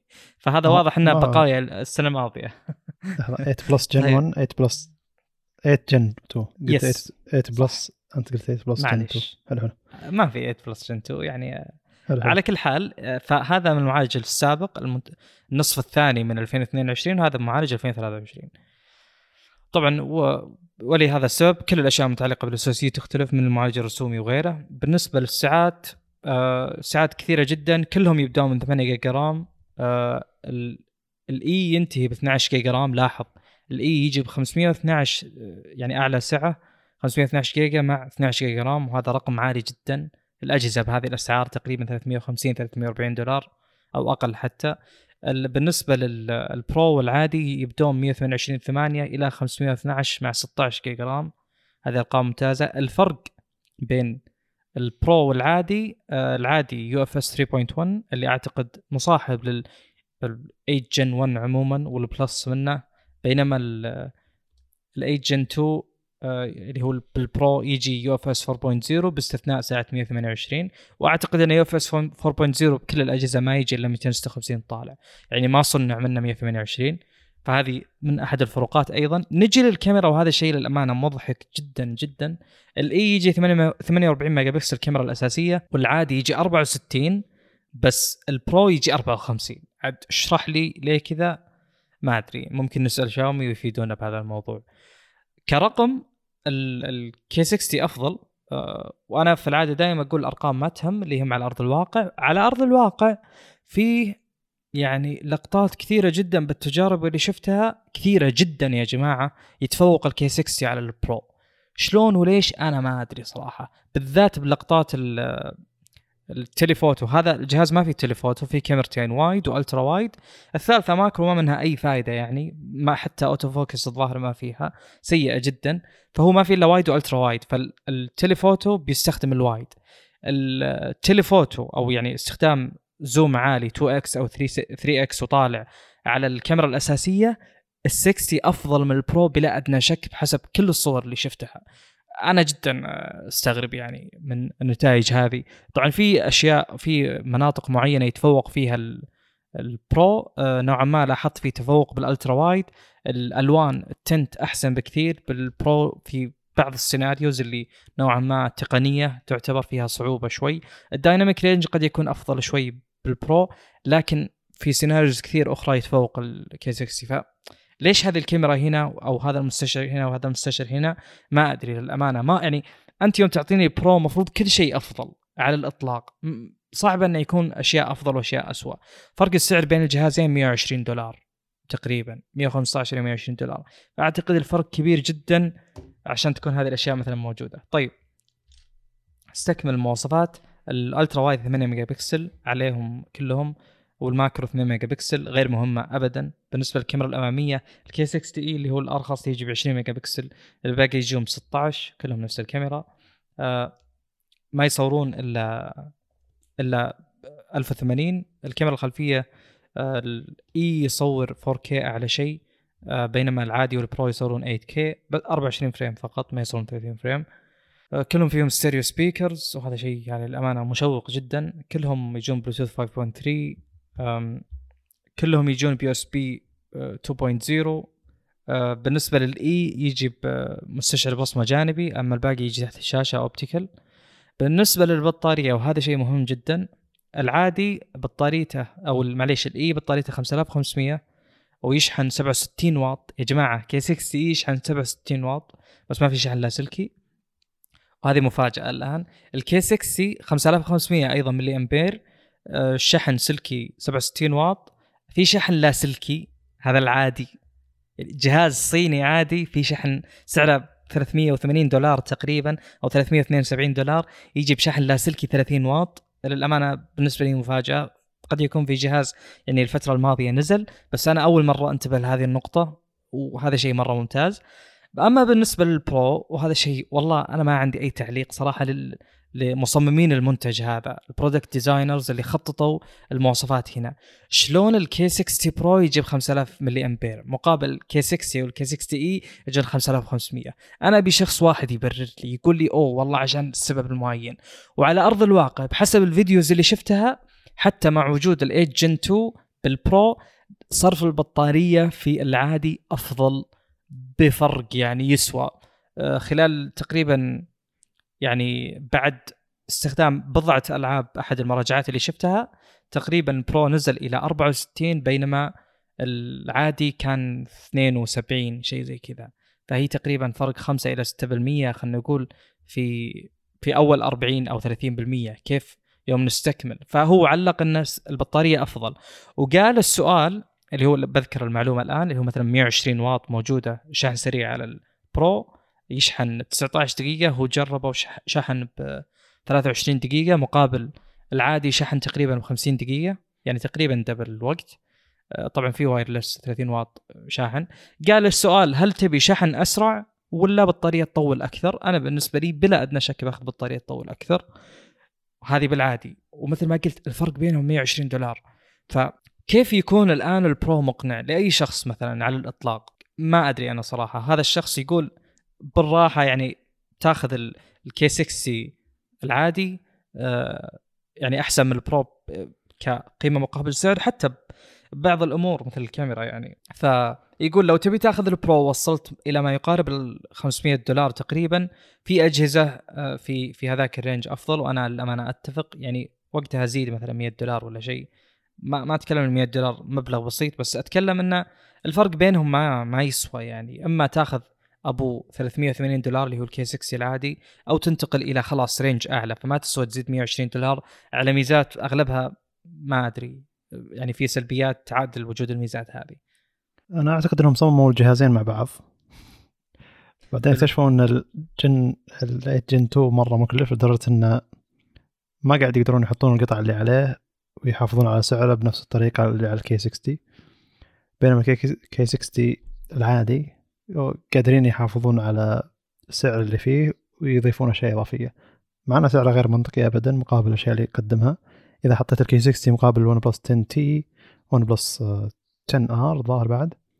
إذا حطيته مقابل لا 11 R الجديد ون بلس 11 R اللي هو 10 T مع 5000 ملي امبير مع شكل حق ون بلس 11 إذا حطيته قدام الريلمي GT Neo 5 اللي هو كلهم هذه فئة 400 ل 500 دولار زي K 60 يعني محطم قوي جدا.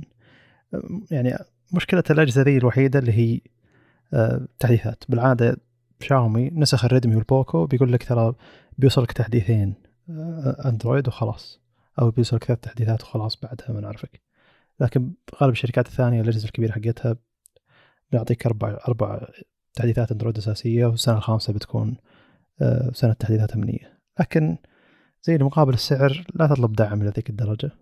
جهازك حتى لو ما وصل تحديث السنة اللي بعدها بيشتغل بشكل ممتاز حتى مع تحديثات أمنية و يعني الحبكة قوية. case يعني ريدمي K 60 الحبكة مرة قوية. 5500 ملي امبير على ال 8 Gen اي ال 8 Gen 8 Plus Gen 1 و 1440 مع شحن لاسلكي مع كاميرا جدا ممتازة وقاعد كاتبين عنها إنها قاعد تستخدم نفس الشاومي Image Brain 2.1 الموجود على 13 Pro 13 فزي اللي إذا معالجة الصور زي 13 13 Pro. وشحن لاسلكي موجود. أكبر بطارية موجودة بالفئة حقتها تقريبا 5500 امبير مع مع شحن لاسلكي speakerين يعني اللي زي اللي ما, ما في شيء يعيب الجهاز. 5500 ملي امبير على 8 Plus Gen 1 أعتقد إنها بتعطيك اداء مرة خرافي ف... آه يعني هذا الكلام اللي قريته فعلا فعلا شيء ممتاز جدا يعني البطارية. أه لو بكمل مع شاومي أتوقع إن هذا جهازي بيكون هذا جهازي القادم يعني لو بكمل 380 دولار. نفس الوجه. إيه. يعني إذا لقيتها بعلي اكسبرس تلقاها ب 400 420 دولار كذا. أه طيب يعني الف... قد ما يعني قد ما كنا منبهرين بشاومي العادية إلى أن ريدمي فئة ال K آه، خاصة الحين بدأت يعني يجي لها ROM عالمي ترى الوضع تمام يعني. ما هو زي أول كان تذكر ال ROM الصيني وخدمات جوجل تثبتها بنفسك وكذا. ف يعني أيام تجربتك أنت ال K 30 Ultra. الحين لا يعني تثبت ROM العالمي خدمات جوجل موجودة رسمي وخلاص. يعني زي اللي تجربة مقاربة لشاومي بشكل مخيف. فما في ما في شيء اللي غلط بالجهاز إلى الدرجة ذيك.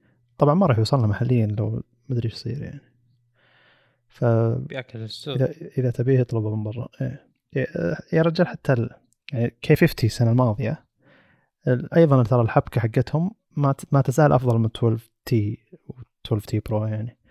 يعني 12 T المقابل له ال K 50 العادي ترى 1440 مع 5500 امبير يعني زي زي هذا بالضبط. ما في شيء لاسلكي لكن نفس المعالج اللي هو ال 8100 على يعني على 1440 مع 5500 ملي امبير غير إن تصن... الزجاج يعني الزجاج الخلفي كان أفضل المعد ال... إي الجهاز مصنع من المعدن بدل البلاستيك الموجود ب 12 T شفت ف... انتقادات شوي لل K 12 T كان إيه K 60 يعني بشكل عام ال lineup إنه في بلاستيك شوي ورا وتصميم الكاميرات نوعا ما غريب. حلو. وللأمانة في شيء مفاجئ كأن الكاميرات اللي بال بال K 60 E أكثر أنا ما أدري. حلو. يعني كلهم بال module الاساسي المكان الأساسي حق الكاميرا. في كاميرتين اللي هو ال K 60 وال K 60 Pro في كاميرا تحت لل macro في مكان مستقل. آه، هنا أشوف ثلاث كاميرات كلها بمكان واحد. أنا ما شفت reviews للأمانة على ال K 60 بس آه قد تبدو كتابة ما هي كاميرات. جميل. أسلم. طيب آه، ننتقل للريلمي المنافس اللي حلو. بعده. إيه. Realme أعلنت عن Realme GT 3 و GT Neo 5 GT Neo 5 إلى الحين يعني ما, ما هو عالمي عالمي. أظن تقدر يعني تقدر تستخدمه كجهاز ROM عالمي يعني. Realme ما عندها مشاكل مع الواجهة العالمية حقتها. يعني ما لها واجهتين وكذا وخدمات جوجل لها معاناه لا يعني تجيب الجهاز بيشتغل معك صح. أه ف Realme GT Neo 5 أه سعره تقريبا 350 يعني خلينا نقول 400 دولار إذا كنت بتجيبه يعني.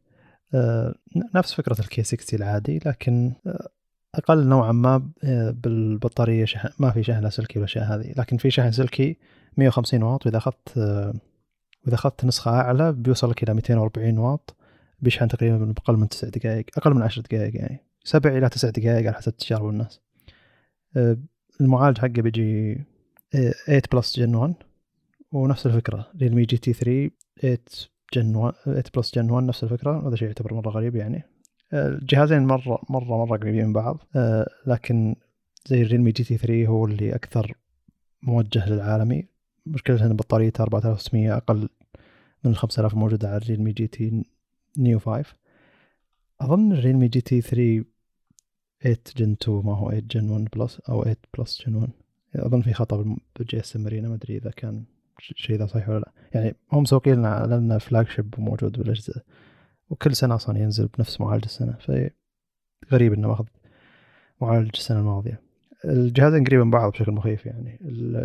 الشاشة نفسها الكاميرات نفسها الكاميرا الأمامية نفسها. فزي اللي عالميا Realme Neo Realme GT Neo 5 هو نفسه GT 3 لكن بطارية أقل.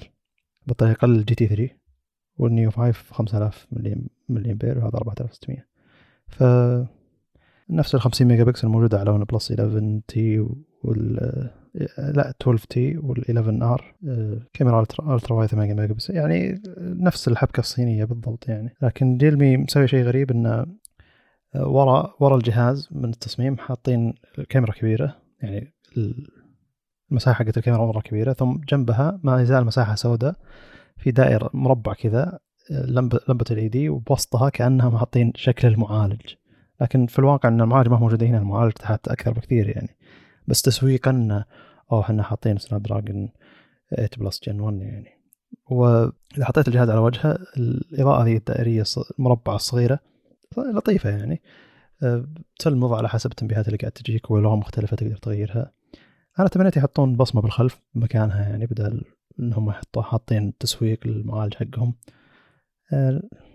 ما أشوف إنها حركة مرة ممتازة. أه، ما زلت أشوف ريدمي كي 60 للفئة لفئة الناس اللي قاعد تدور أجهزة بمواصفات عالية بسعر رخيص قاعد يعطي شيء أفضل من التصميم ال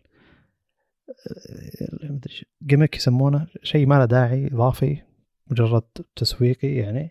لو انهم حاطين نفس الحبكة حقت ال K60 على واجهتهم وتصميمهم ذا يعني من دون الفلسفة حقت انه هو قاعد أسوي highlight للمعالج اللي أتوقع إنه شيء كلفهم يعني آه، بيكون شيء أفضل.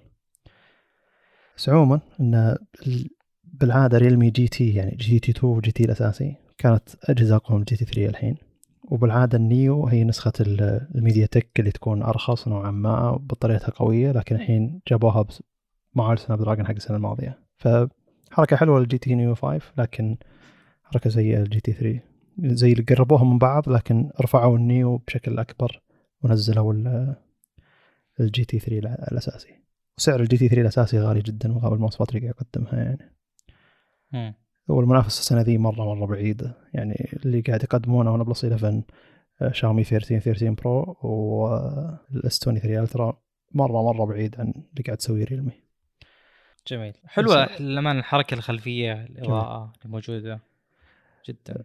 ممكن يكون في GT 3 Pro أو شيء زي كذا. اي بالعادة يكون في نسخة Pro هي اللي تكون أساسية أكثر. لكن الحين MWC ما أعلنوا عن ال GT 3 الأساسي ومرة مرة قريب من ال GT Neo 5 آه شيء شيء محبط يعني. كان ودي أشوف يعني خلاص كل أجهزة 8 Gen 2 تنزل الحين وخلنا نشوف الخيارات والمنافسة قويه يعني. خاصة انه بعد ما شاومي أطلقت ال 13 13 Pro عالميا. ترى 13 13 Pro تكلمنا عنها عنهم على الإطلاق الصيني يعني. لكن الحين أطلقوهم عالميا والأسعار الاوروبيه جدا غالية.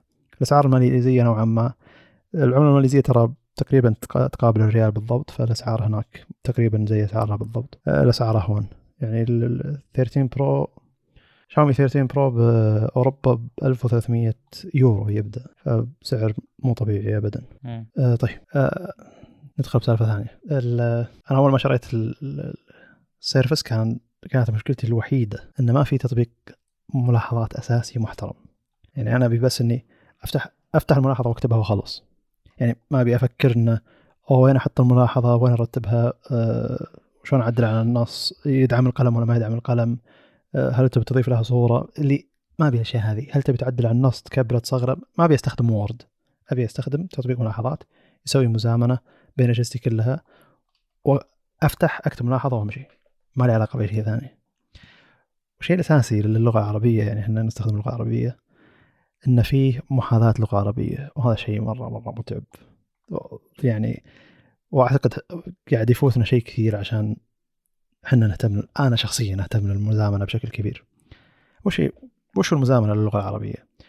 الأصل إنك لما تكتب كلام بدايته إنجليزي ثم تحط كلمة عربية بيحط الكلمة العربية ذي قدام الكلام الإنجليزي ثم بيكل بيكمل كلام إنجليزي. كان اللغة كان الكلمة العربية ذي جاية آه، ك يعني اقتباس. فلو تحط كلمتين بتجي صحيح يسارها لكن ما تزال اقتباس يعني. إذا كتبت بالعربي بيبدأ من اليمين. لو حطيت كلمة إنجليزية ما راح يحول كل الكتابه من اليسار. بيحط الكلمة الإنجليزية كاقتباس. ولو كتبت بعدها باليم... بيصير يسار الكلمة الإنجليزية هذه. يعني بتكون الكلمة ذي بوسط الكلام بالضبط. ما راح تأثر على تحويل الكلام كله كحوسة.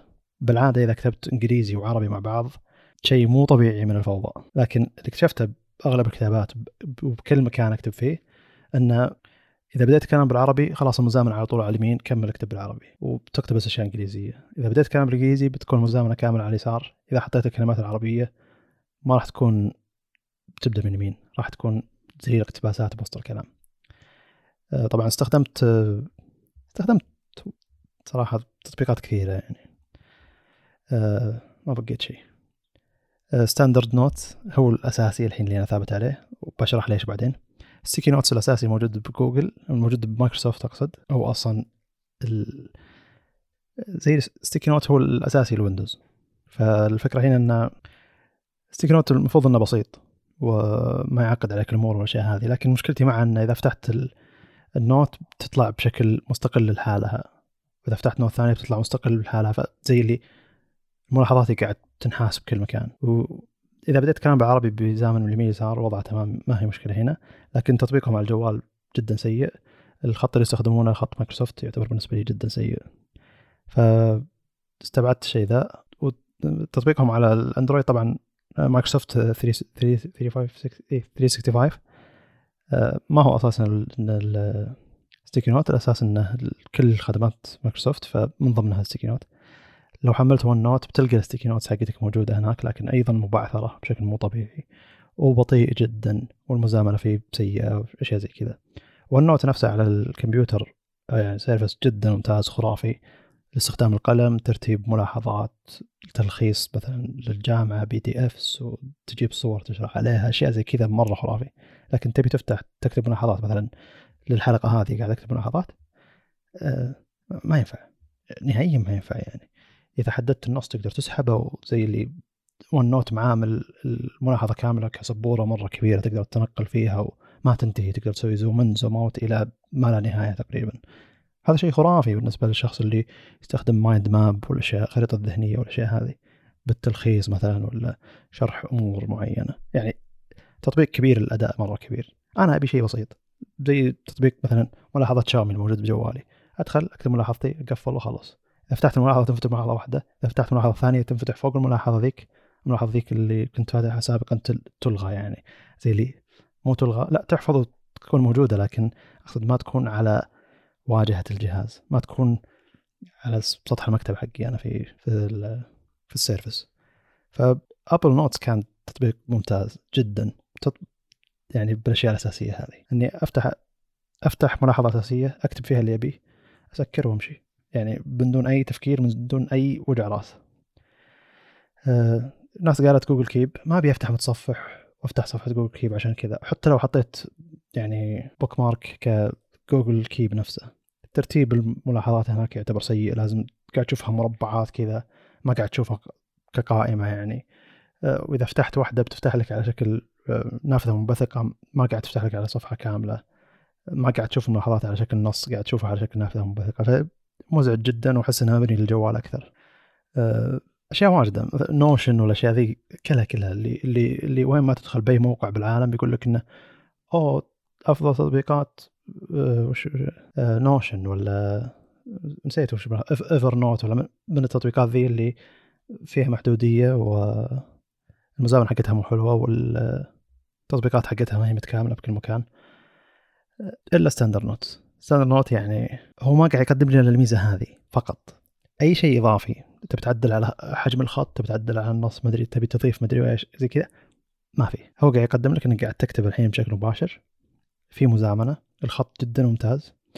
أه تقدر تشارك الملاحظة نفسها على شكل رابط إذا كنت تبي. وإذا دخلها شخص ذاك بيشوف مجرد نص. انكربتد أه حتى حتى وهي مرفوعة وبتشوف علامة صح صغيرة فوق من توقف كتابه كذا بالحرف الواحد من توقف كتابه الصح ذا بيدور شوي كذا بعدين بيتحول إلى صح اخضر مرة ثانية إنه أو زامن الحين زامن. فبالتالي لما تدخل على الجوال تفتح Standard Note تلقى الملاحظة حقتك. زي اللي Standard Note حل لكل المشاكل ذي إن الملاحظات البسيطة تستخدم Standard Note وخلاص يعني. طبعا سابقا سابقا إلى درجة بعيدة جدا بداية التطبيق كان كثير من الأشياء اللي يقدمها مجانية لكن الحين حط اشتراك شهري. الناس اللي اشتروه بالبدايات قبل تقريبا ست سبع سنين إلى الحين لهم صلاحية إنهم يدخلون على أشياء كثيرة.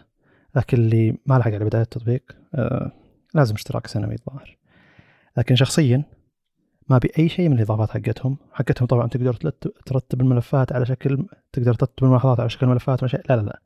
أنا إذا أبي ملاحظة ببحث عنها دام إنه في بحث داخل النص أنا ببحث عن الملاحظة وأعرف وش هي. يعني أعرف أحط key notes موجودة داخل ملاحظاتي بحيث إني إذا جيت أبحث عنها أعرف أبحث عنها أعرف عنوان ملاحظاتي بحيث إني إذا جيت أبحث عنها أعرف أبحث عنها. فزي اللي خلاص صار هذا التطبيق الأساسي للملاحظات عندي في الجوال صار تطبيق الملاحظات الأساسي عندي في الكمبيوتر وسريع إلى درجة مخيفة. يعني أنا ما شفت مزامنة إلى الدرجة هذه. مرات أكتب وكذا بس مرات تنسى مثلا تضغط حفظ ولا قبل لا تسكر التطبيق إنه أو أبي احفظ الشيء ذا.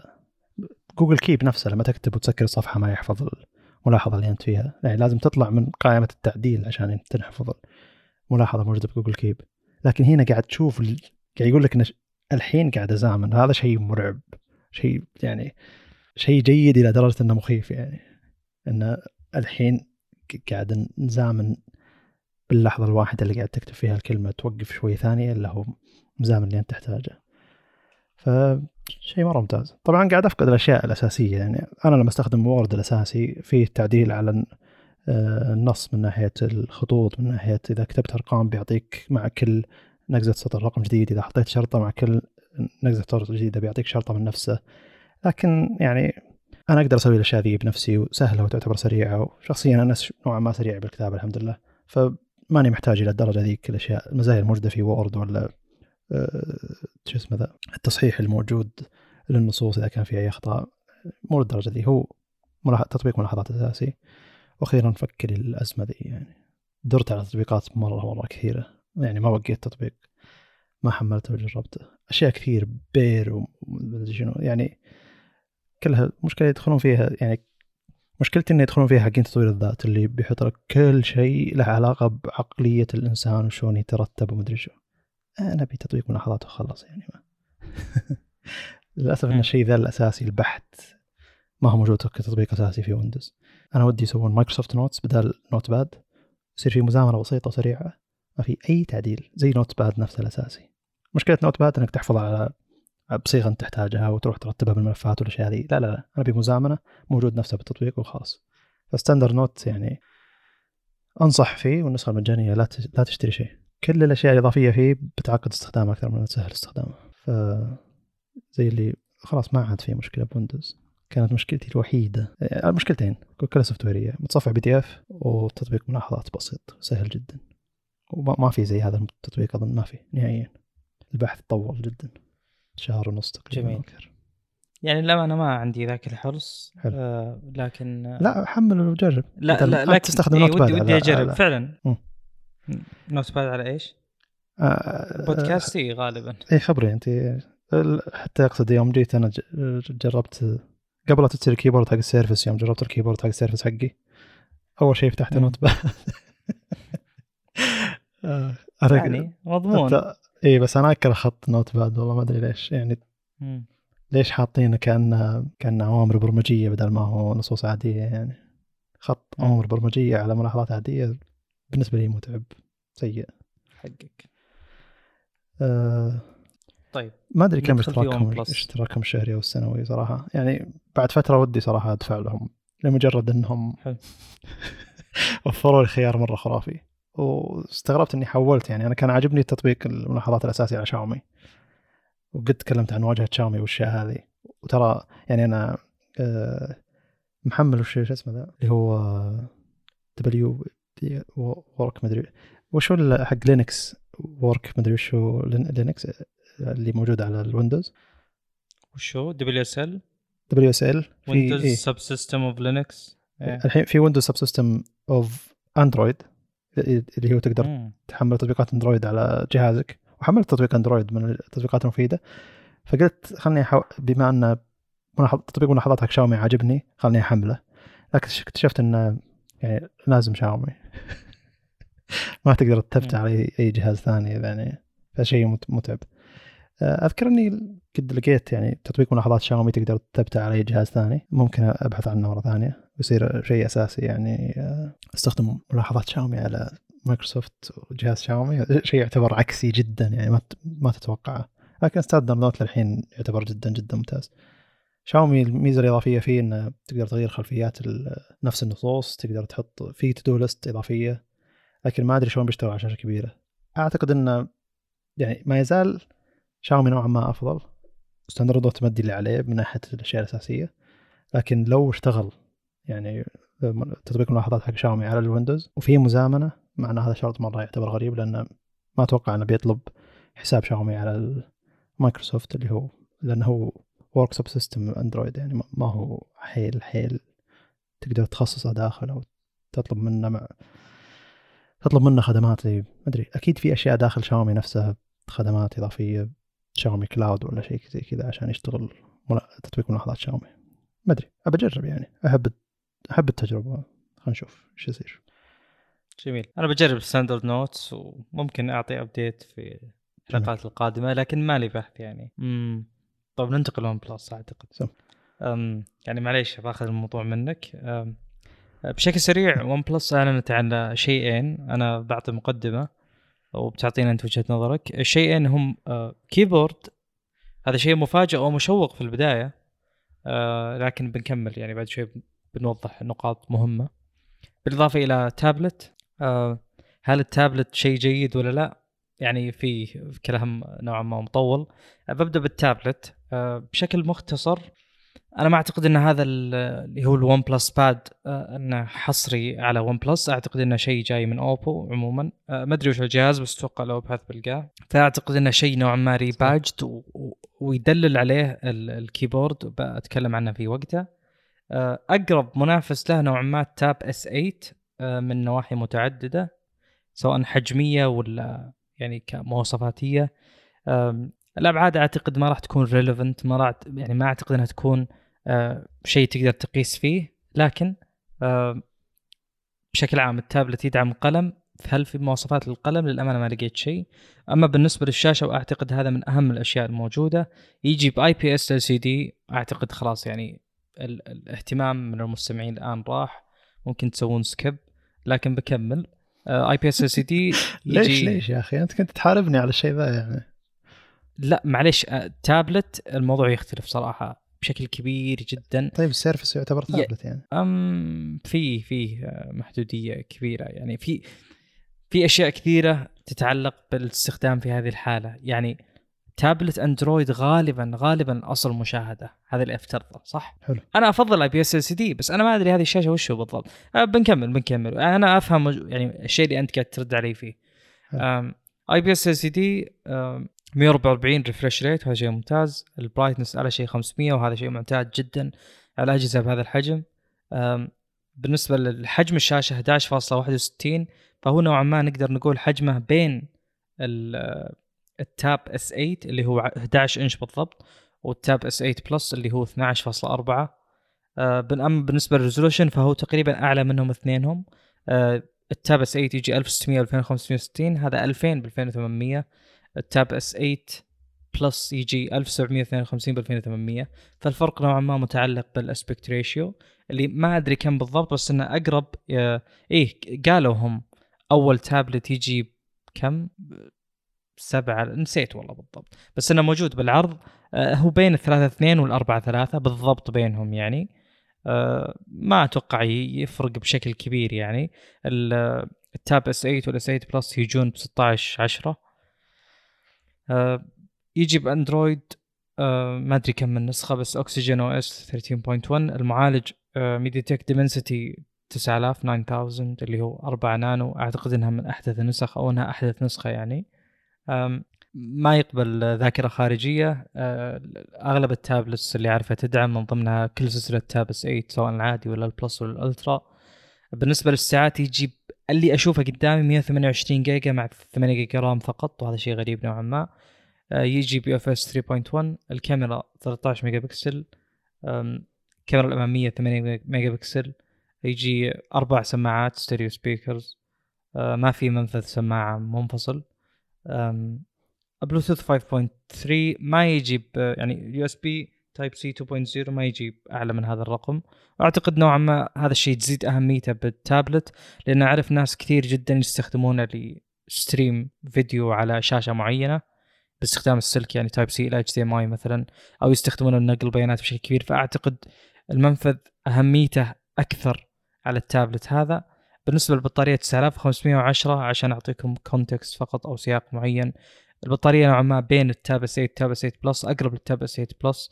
ال Tab 8 العادي يجي 8000 آه وال Tab 8 Plus آه يجي 10090 وال OnePlus مثل ما قلت 9510 فهو بينهم بالضبط.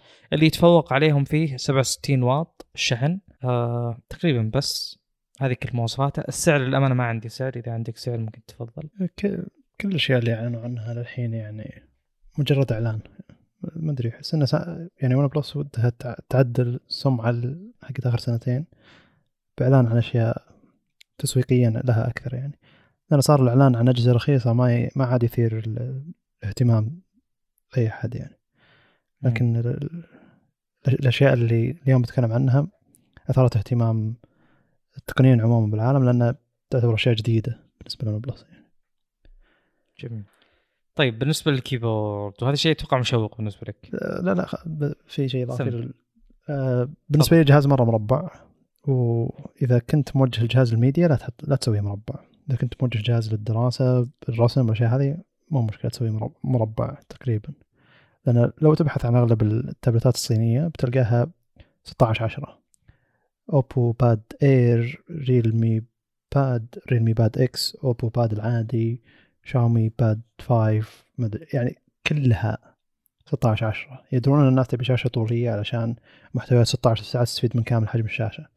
لكن هنا يعني البعد مرة غليظ لدرجه إن أنت بحيل ضايع إن الجهاز مربع. م. إذا بتقدم معه قلم خرافي ويكون الجهاز مرة ممتاز للرسم وتطبيقات أندرويد بتكون يعني متوافقة جدا مع الشاشة المربعة هذه ممكن إيه بس يعني الجهاز لست يعني أغلب تابلتات الأندرويد لاستهلاك ميديا يعني عموما. ف غريب التوجه ذا. وما أتوقع إنه تلقى أحد مهتم جهاز Android يبي جهاز tablet Android يبي جهاز شاشته نوعا ما مربعة في الغالب إنه أنا أبي كمبيوتر فأبي جهاز أربعة ثلاثة تقريبا أو أو ثلاثة اثنين. آه، إذا أبي جهاز tablet Android أبي نوعا ما طولي علشان أه بس مسوق ولا تقسيم الشاشة والاشياء هذه؟ أه أول تابلت. أه بيضيع إذا ما كان فيه أه مع إن هذا الشيء مو بيد OnePlus يعني. إذا ما كانت التطبيقات تشتغل عليه بشكل ممتاز للبعد هذا فبيكون متعب جدا. طيب آه، بتعلق على ال keyboard حق ال OnePlus Pad ولا ما في شيء يستحق الذكر؟ لا لا أه جميل. حلو. طيب. إيه يقول لك هذا الاسبكت ريشيو اللي ضيعته طلعتها الحين. يقول لك وورلدز فيرست 7 يعني اوفر 5 تابلت ريشيو اسمها ريد في الديسبلاي يعني مناسبة للقراءة ف 7 5 طب هو أول تابلت هل ما أدري. كيف ممكن يفيد؟ طبعا سوق على Dolby Atmos آه وإن الصوت ممتاز جدا أربع سماعات. آه، هذا شيء يعني ما يختلف عن الموجود بالسوق. آه Redmi Pad تصميم؟ تقريبا بقل من 1000 ريال في Dolby Atmos يعتبر نوعا ما أعتقد آه، كتصميم من الخلف صراحة أشوفه سيء جدا يعني. حلو. لكن على كل حال يقولون ال keyboard حلو. طبعا magnetic مغناطيسي كما هو موجود بالسوق. ما أدري بس آه يعني أعتقد سينسى هذا التابلت بشكل كبير يعني. خصوصا إني ما أعرف سعره. آه طيب أستكمل الحديث على OnePlus keyboard أول شيء التصميم خرافي. ما قلت الاسم ولا شيء. صراحة أول شيء ممكن تعلق عليه التصميم خرافي ممتاز جدا للأمانة. آه في أشياء يعني مشوقة. آه أنا أول ما شفت طبعا الاسم وبحثت وشفت وقريت آه على طول اكتشفت أن هذا الشيء هذا ال keyboard عبارة عن Keychron Q 1 Pro بس معدل لما يلائم OnePlus. بالنسبة لي ما يهم بشكل كبير.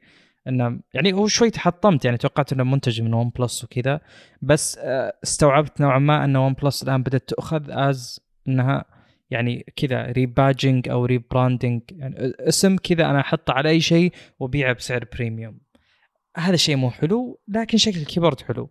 مشابه طبعا لل Q 1 Pro اللي قلته. الأشياء الخرافية بالتصميم آه، المواد المستخدمة تبدو ممتازة جدا. theme OnePlus العام الموجود اللي أنا اللي اعرفه هذا ال theme OnePlus. شلون تو يجيني ال Pad اللي تكلمنا عنه لونه الأساسي أخضر فاتح؟ ما أدري وين علاقة OnePlus بهذا اللون. كل اللي اعرفه عن OnePlus الجهاز غالبا لونه بتدرجات الرصاصي سواء فاتح ولا غامق بالإضافة إلى لمسات حمراء. هذه OnePlus اللي نعرفها. أما OnePlus Pad لونه أخضر زي كذا هذا ما يمثل OnePlus بالنسبة لي بأي شكل من الأشياء سوى شكل الكاميرا نوعا ما اللي شابه OnePlus مؤخرا فقط. عموما آه ال keyboard يجي بنوعين هو اسمه 81 Pro ال keyboard ويجي منه نسختين Winter Bonfire ولا Summer Breeze يختلف آه يعني ما بينهم. نوعا ما تنسيق الألوان بالإضافة إلى ال keycaps ال Winter Bonfire يجي PBT اللي هو بلاستيك يعني يعتبر بجودة أعلى. لها مسمى طويل يعني ال PBT عبارة عن acronym والنسخة الأخرى Summer Breeze آه تجي ب marble mallow آه على كل حال الأشياء المميزة جدا من تصميم ال keyboard اللي هو زر التحكم بالصوت. للأمانة جدا ودي أستخدمه ودي أجربه. آه جميل جدا يعني. آه عبارة عن زجاجة كأنها كريستالة. آه فأحس كذا cold to the touch نوعا ما باردة ومشوقة للاستخدام. أو يعني إن شاء الله يعني يكون ال tactile feel حقها يوم تنقل أو تحرك الصوت يعني آه، في satisfaction كذا. آه، فيه على قولتهم missed opportunity في فرصة لم تستغل من ون بلس زر اللي Esc اللي هو escape اللي موجود بالزاوية فوق يسار عليه شعار ون بلس والزر لونه أحمر بالإضافة إلى Enter بالنسبة لي للأسف المفروض رقم واحد هو اللي فيه One آه، Plus يعني. ليش تحطه مكان Esc لكن على كل حال فيه ثلاث أزرار في الخلف زر للانتقال أو ثلاث يعني أشياء في الخلف. زر للانتقال أو التحويل بين macOS وويندوز أو switch كذا له ثلاث خيارات. وفي آه، إنك تطفيه ويمين ويسار موجود التنقل بين ويندوز وماك وفيه Type-C منفذ. وفيه آه، نسيت والله وش الشيء الثالث لكن على كل حال آه هذا زي الموجود بال Q1 بالضبط. اظن انك تطفيه وتشغله ناسي والله أو بلوتوث و wireless آه الشيء اللي يرفع ال keyboard نسيت شو اسمه بالضبط من وراء جاي بتصميم مختلف نوعا ما زي كذا القطع المعدنية حديدية نوعا ما لامعة آه هي اللي ترفع ال keyboard. هذا شيء ما شفته للأبد. آه، هل ممكن هذا الشيء يساعد في تثبيت الكيبورد أو لا؟ يعني يخليه أثبت من غيره أو لا؟ ما أدري بس الشيء الموجود عندي في آه اللي هو Drop Shift keyboard ما خاب ظني هذا اسمه. أشوف إنه ممتاز جدا ولا في أي wobble أو اهتزاز يعني أو عدم تناسق يعني. آه في شيء نوعا ما مخوفني شوي آه بال keyboard اللي هو حدة الزوايا بشكل كبير جدا. يعني يوم تجي أنت تبي تكتب عليه أعتقد إن الزاوية الحادة اللي بالبداية اللي في الأسفل يعني قد تكون مؤذية نوعا ما. أنا ما أتكلم عن الزوايا الرباعية اللي يمين فوق وتحت ويسار فوق وتحت أتكلم على الجهة اللي من عند الكتابة اللي غالبا يكون مكانها arm rest ببعض الكيبوردات. ف يعني نوعا ما هذا الشيء بس اللي أفكر فيه. أه، سيتاح الطلب على ال keyboard هذا أه، في أبريل وليس الآن. الآن تقدر بس تحط notify me يعني اشعرني وقت بدء الطلب. يعني حتى السعر ما نعرفه.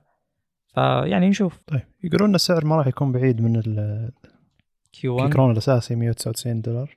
في احتمال مم. يعني هذه احتمالية اكبر غالي جدا للأمانة بالنسبة لي. لكن آه، واضح إنها نسخة أفخر و يعني أتوقع إنهم أخذوا جزء كبير من Keychron لكن أتوقع إنهم عدلوا على أشياء كثيرة. يعني والمشكلة إن ال keyboard لازم تجربة معليش نفسه. إي نفسه شكليا لكن قد حتى يكون ال switches اللي أو الأشياء اللي ورا نفسها حلو.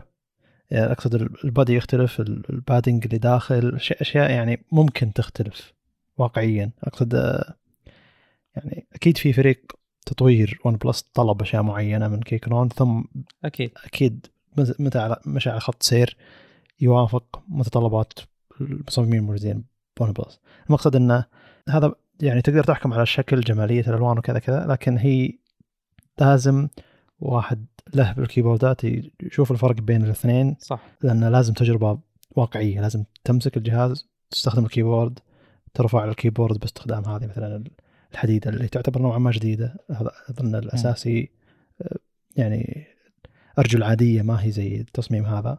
فزي اللي حتى قالوا إن ال switch الخلفي آه، راح يختلف switch اللي هو طفي وتشغل أو ما أدري ما أدري تتحكم فيه يعني. بس انه سويتشات ون بلس بيكون بتكون موجودة آه ويطقطقوا انه أوه هذا ممكن يكون alert slider نفس الموجود على على أجهزة ون بلس الأساسية اللي اختفى ببعض الأجهزة وزعلوا الناس وكذا. بس عموما بالنسبة لي التصميم هذا جميل وزي انهم ما راحوا طابع الكيبوردات اللي هو حط RGB لون أسود وشوية أحمر وخلاص خلاص يعني لا لا يعني زي جميل التصميم. وال keyboard هو يعني للأشخاص اللي يحبون الكيبوردات ويبي يدفع مبلغ عليه يبي يصير شكله جمالي يبي يصير يجمل الغرفة إنه أوه من أول شيء اللي يعني أنا من الأشخاص اللي أتابع حسابات حقت ال setups الجميله اللي هو بس يصور كذا.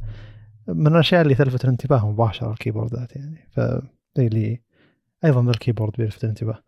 مع إنه أتوقع بتقدر تسوي keyboard مرة قريب منه. بما إن ال custom keyboard مليانة يعني. تقدر تاخذ نفس الوان ال keyboard ال key caps هذه تقدر تجيب key switches أحسن منه تقدر تجيب نفس اللون الفضي اللي جابوه. يعني حتى ذي الزجاجة اللي تتحكم بال ال knob على قولتهم آه، موجودة ببعض ال keyboard ات الثانية لكن بلاستيكية فتقدر تجيبها بشكل زجاجي. أتوقع ان تلقاها بالطريقة هذه يعني. خاصة إذا الناس أعجبوا فيها بتلقى من حقين ال custom made موجود الشيء ذا. بس عموما آه، توجه غريب للشركه قاعد تسوق لنفسها بأشياء ثانية وواضح إنها هي شركة ما أدري BBK الأساسية مستمتعه إن OnePlus لها, لها اسم بالسوق العالمي عموما الصين والهند عموما يعني.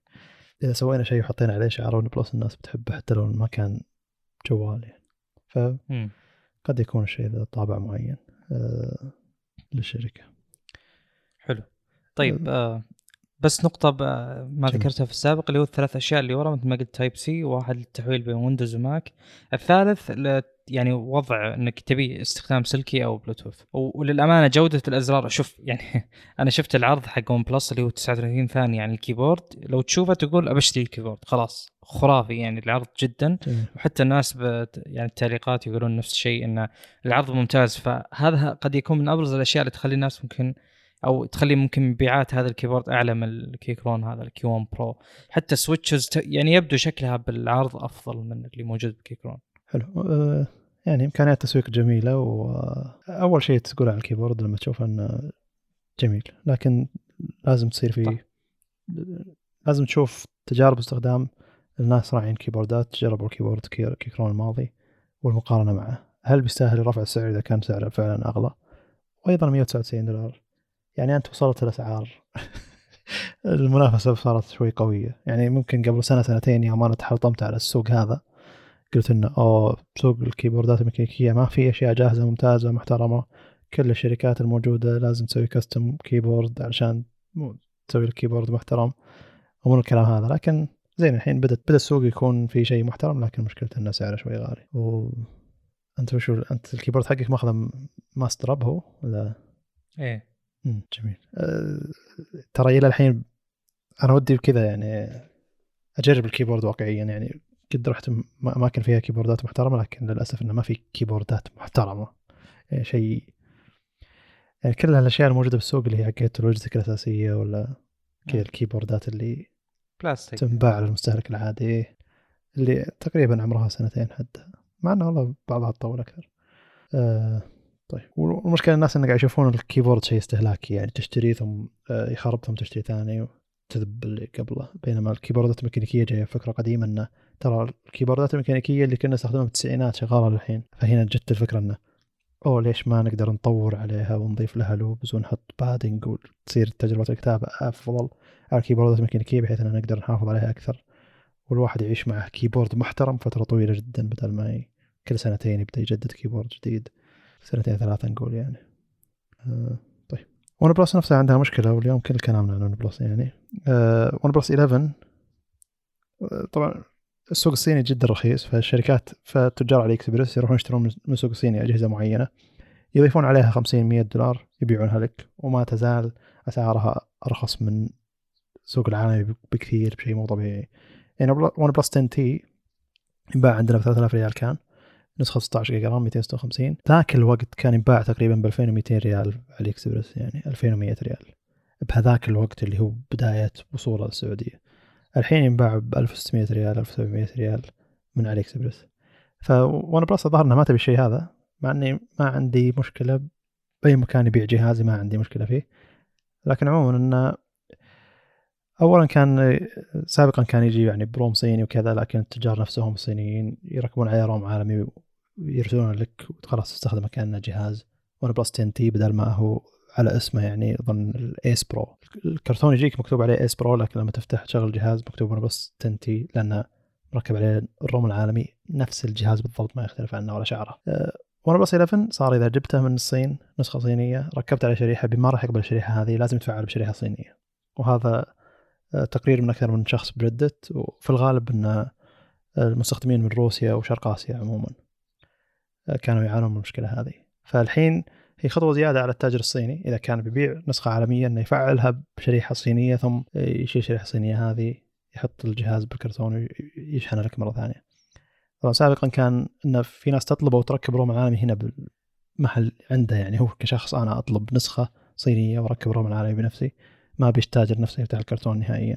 لكن الحين لازم يركب لك الروم العالمي لازم يفعلها بشريحته هو علشان يشتغل الجهاز صح. يعني الأشخاص اللي وصلهم الجهاز هم ركبوا روم عالمي بنفسهم لكن لما ركبوا الشريحه قالوا إن الجهاز إذا صيني ما راح يشتغل عليه الشريحة هذه. لازم تشغل شريحة صينية ثم تشغل عليه شريحة ثانية. طبعا هذه طريقة التقفيل ذي كانت موجودة أظن بالآيفونات أو بعض أجهزة سامسونج أو الأجهزة اللي كانت مربوطة بشركات معينة آه، أمريكية أو حتى أوروبية. أظن كانت في شركات تبع AT&T وال T-Mobile والأشياء هذه.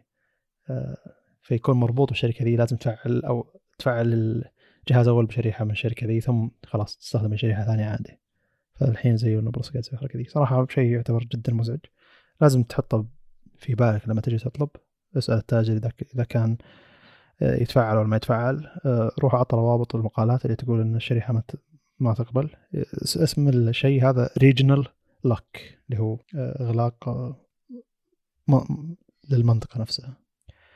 فشيء جدا مزعج. كانت الأسعار جدا مغرية. لكن الحين يعني نروح ريدمي ريلمي الاشياء اللي ما عليها أي قفل والرومات حقتها موجودة عالميا وشغلها مريح. خاصة مع كي 60 هذا يعتبر فتنة صراحة. طيب. هنا نعتبر انتهينا. في أي إضافة؟ أعتقد. ما تعتقد؟ لا أعتقد. طيب. تعتقد إنه في إضافة؟ لا لا ما أعتقد ان انتهينا. أها تمام. طيب شكرا لكم متابعة. قيمونا على ايتونز تابعونا تويتر يوتيوب والسلام عليكم.